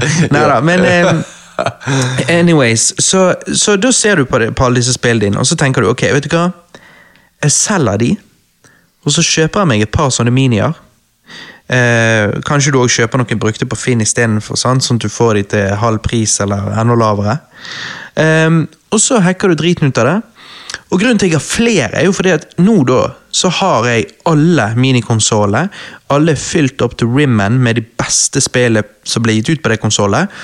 Og så har jeg da doubles, eller mer enn doubles. Jeg har jo Ja, du har jo faen meg eh, mange triple fripples. ja, jeg har mange av hver av de storet, sånn at hvis, eh, hvis Super Nintendoen plutselig tok kveld en dag, så går det fint. Da er ikke det verdens undergang. Nei, nei, nei. Da chugger jeg, chugger jeg den ut uh, vinduet. Chugger den, Jeg altså chugger den ikke. Jeg kaster den ut vinduet, og så, og så eh, går jeg i boden og henter den nye som ligger der. eh, og dette er jo ikke en utebod, det får jo være grenser. Da Ja, vet jo jeg at det ikke ville vært bra. Sant? Det må så. være romtemperert lagring, dette her. Ja, ja. Men så bare henter jeg en ny inn i boksen. Og plugger den i og spiller videre. Så du, du skal ikke ha en sex dungeon, du skal faen meg ha en eh, Det blir jo nesten det. Det er jo skitne tanker. Det blir du- nerdedungeon. Ja, det blir nerdedungeon. Men poenget mitt er at da har jeg Super Nintendo, de beste Super Nintendo-spillene og all time, de jeg alltid har ønsket meg, de har jeg da på minien, og jeg har nok minier til å last a lifetime. Eh, og, og, så jeg er på en måte Du last a Lifetime? Så så jeg er liksom good for life. Og dette har vært mye mye, mye, mye, mye billigere enn hvis jeg skulle kjøpe alle mulige Super Nintendo og Super Famicom-spill. Altså, jeg tror jeg, Listen endte jo på hva? 225 beste spillet. Hvis jeg skulle kjøpt alle disse, og jeg skulle kjøpt doubles av alle de spillene i tillegg Altså, Er du klar over hvor dyrt det blir når du gjør dette for alle konsoller Du måtte tatt opp lån på ba fra bank fra banken. Ja, det er der man tar opp lånet. ja. Det er helt riktig, Johannes. Det det.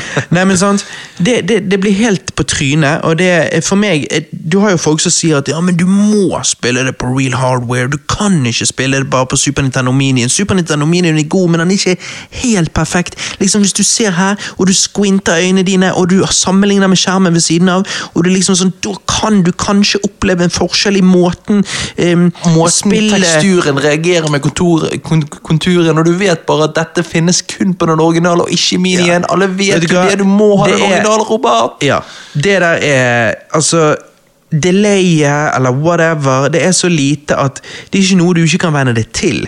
Eh, hvis du går fra å ha spilt et competitive spill, ta eksempel Street Fighter 2 Turbo eller noe, du har alltid spilt det på original hardware, og så går du over til Super Nintendo Mini igjen og spiller den på et 4K-TV, så kan det godt hende at du vil liksom i begynnelsen uh, være out of it, liksom. Men det går faen meg bare minutter, i hvert fall for meg, så jeg er igjen i det. Uh, og føles helt naturlig. Du tilpasser deg, og det er verdt det, for det at noe annet ville vært et pengesluk. Men ikke bare det. Det som er så fett med Super Nintendo Mini, er én, du kan spille det på et 4K-TV uten at du må ha en dyr framemeister og fantastiske HDMI-kabler og alt mulig for å klare å konverte originale Super Nintendo-bildet over til 4K-TV. Her bare plugger du det i. Her er det allerede HD, sant? Ja, ja, ja. ja. To, du kan lagre hvor tid som helst. Du kan lagre hvor du vil. Du kan jo ikke lagre hvor du vil når du spiller på original hardware. Nei, nei, nei, du kan jo ikke det.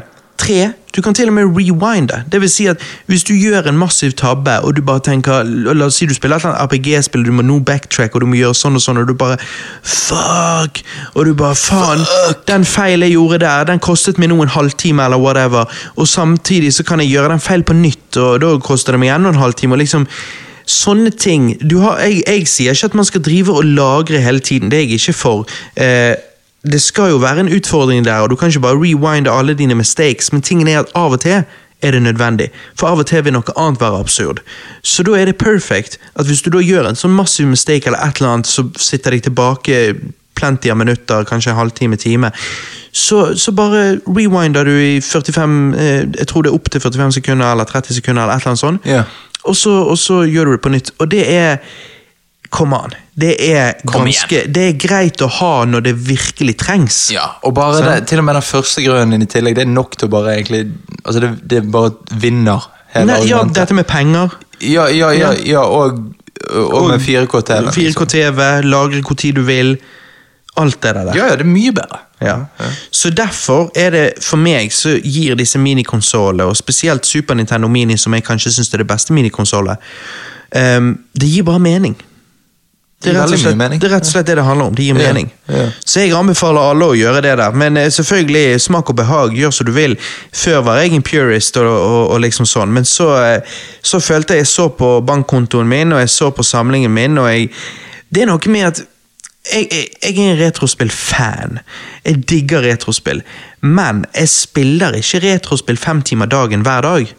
Øh, det, det, du må nesten det, hvis du skal justify det og bruke alle disse pengene. og sånn?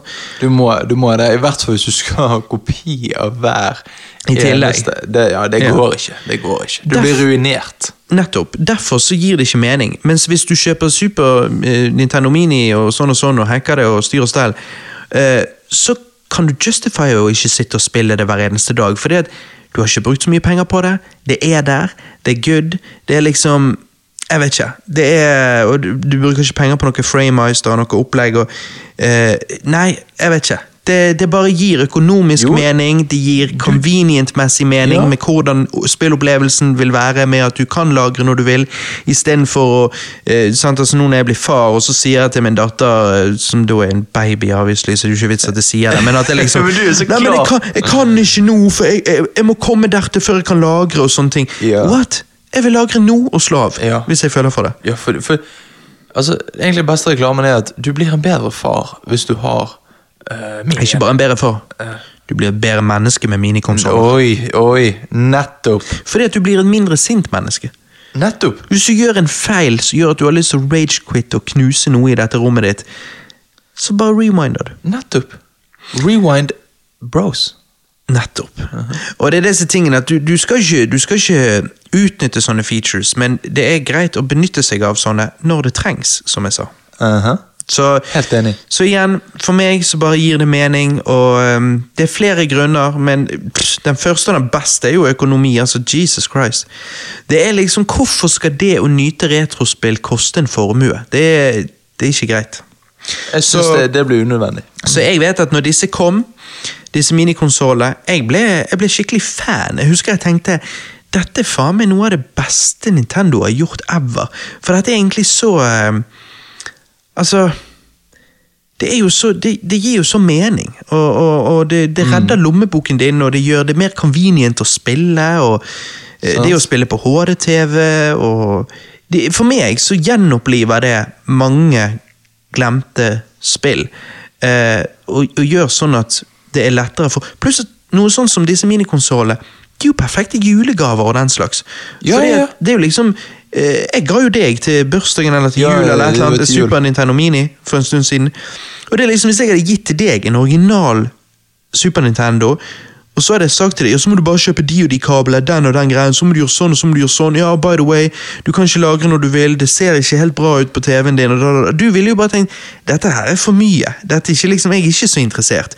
Mens med Super Nintendo Mini så er det plug and play. Det er plug and play, og det er mye bedre. Altså det, det er um, brukervennlig. Mm. Uh, Brukervennlig er det egentlig det en ordet jeg leter etter. Ja, og det er en grunn til at de har lagd det. Det er fordi at det er mer convenient. Og det er veldig mange som har kjøpt det. Det solgte fantastisk. Og, det, og vi lever i 2020, så man må adapte. Ja. og. Og, det er liksom En ting er hvis du konsentrerte på ett konsoll, men jeg er jo litt sånn Jeg liker Nes, Snes, Sega Genesis, TurboGrafx 16, eh, PlayStation 1 eh, Så ikke du nå Nintendo 64? Nei, for det, er- jo, det liker jeg òg, men det er ikke kommet noen minikonsoller, og det kommer oh, ja. nok dessverre ikke. Men eh, Det er fucked. ja, men eh, ja, det er veldig synd. Men vi vil jo se disse spillene på forskjellige måter i fremtiden. Jeg tenker jo kanskje at de begynner å gi de ut på Switchen eller noe sånt. Men, eh, men ja, et dedikert eh, Nintendo 64 minikonsoll hadde vært helt fantastisk. Mhm. Men, men. ehm, det finnes Everdrive der òg. En sånn eh, Nintendo eh, 64 cartridge som har en sånn SD-kort så du kan putte i PC-en, ta alle ramsene over, putte ned i den Everdriven og putte den i Nintendo 64. Okay. Og på den måten så kan du spare mye penger, ja, for da får jo du en Ja, ja. ja. Så det er en måte å gjøre det på. Men ehm, Nei, så, så de, de nettopp listet opp alle de konsollene der. Sånn. Jeg digger alle de. Hvis jeg skal ha 100-200 av de beste spillene på alle de konsollene det, Nei. Det, det, som, jeg, som jeg har sagt 100 ganger nå, nå bare gjentar jeg meg selv om og om igjen, men det gir ikke mening. Mm. Nei, Johannes, alt i alt, når vi ser på alle spillene på konsollet, og når vi ser hva de fikk til når de virkelig pushet hardwaren, så må jeg si jeg syns Super Nintendo er et imponerende konsoll, og det er uendelig mange gode spill her. Jeg koste meg masse med å spille mange av disse spillene på nytt, ledende opp til denne casten, og jeg gleder meg til å fortsette nå etter denne casten igjen, med flere av spillene jeg begynte på. Hvordan har du syntes det har vært å spille litt Super Nintendo i det siste, Johannes? Forstår du litt mer min interesse for retrogaming, eller tenker du fremdeles at det er ingenting som slår Fifa og ostepop? Det Fifa og ostepop eh, er jo toppen, alltid. Men jeg forstår uh, veldig godt uh, Veldig godt eh, på, på, noen av, på mange av spillene. Men Ja. på noen av spillene så, så er det Så ikke din så er outdated og ikke min tea. Eller din pose ostepop? Min pose ostepop, sant. Eh, jeg, jeg liker veldig godt Donkey Country-spillene, Det er helt fantastisk. Eh, Så de er sånn du kunne bare spilt på gøy? Ja, ja Hvis du er hører på en podkast Ja, ja den.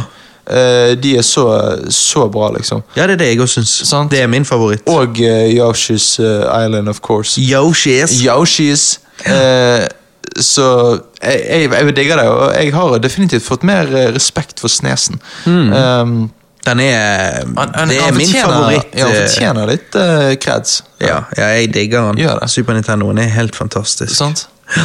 Så Og um, Ja, men favoritten min er jo Donkey Kong Country 1. Ja, Ja, ja, same.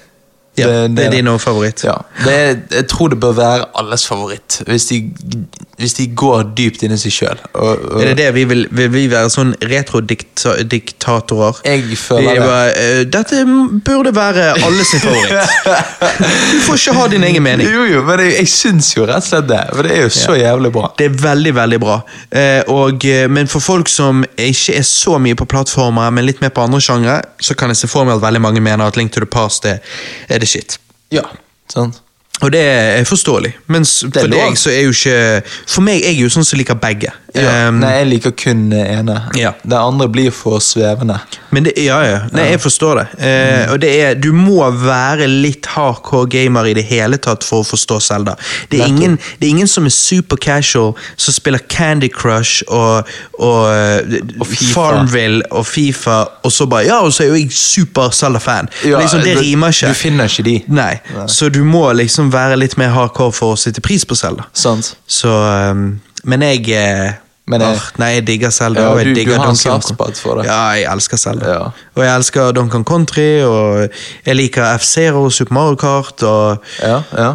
Nei, det er, så, det er så mye kjekt her. Jeg håper, eh, jeg håper vi har inspirert dere kjære lyttere til, eh, til Hvis ikke dere har spilt Super Nintendo på en stund, å gå tilbake og spille noen Og, og prøve litt eh, forskjellige spill, ja. For det er jo good times. Det er veldig good times. Og dette har vært good times. Det har det.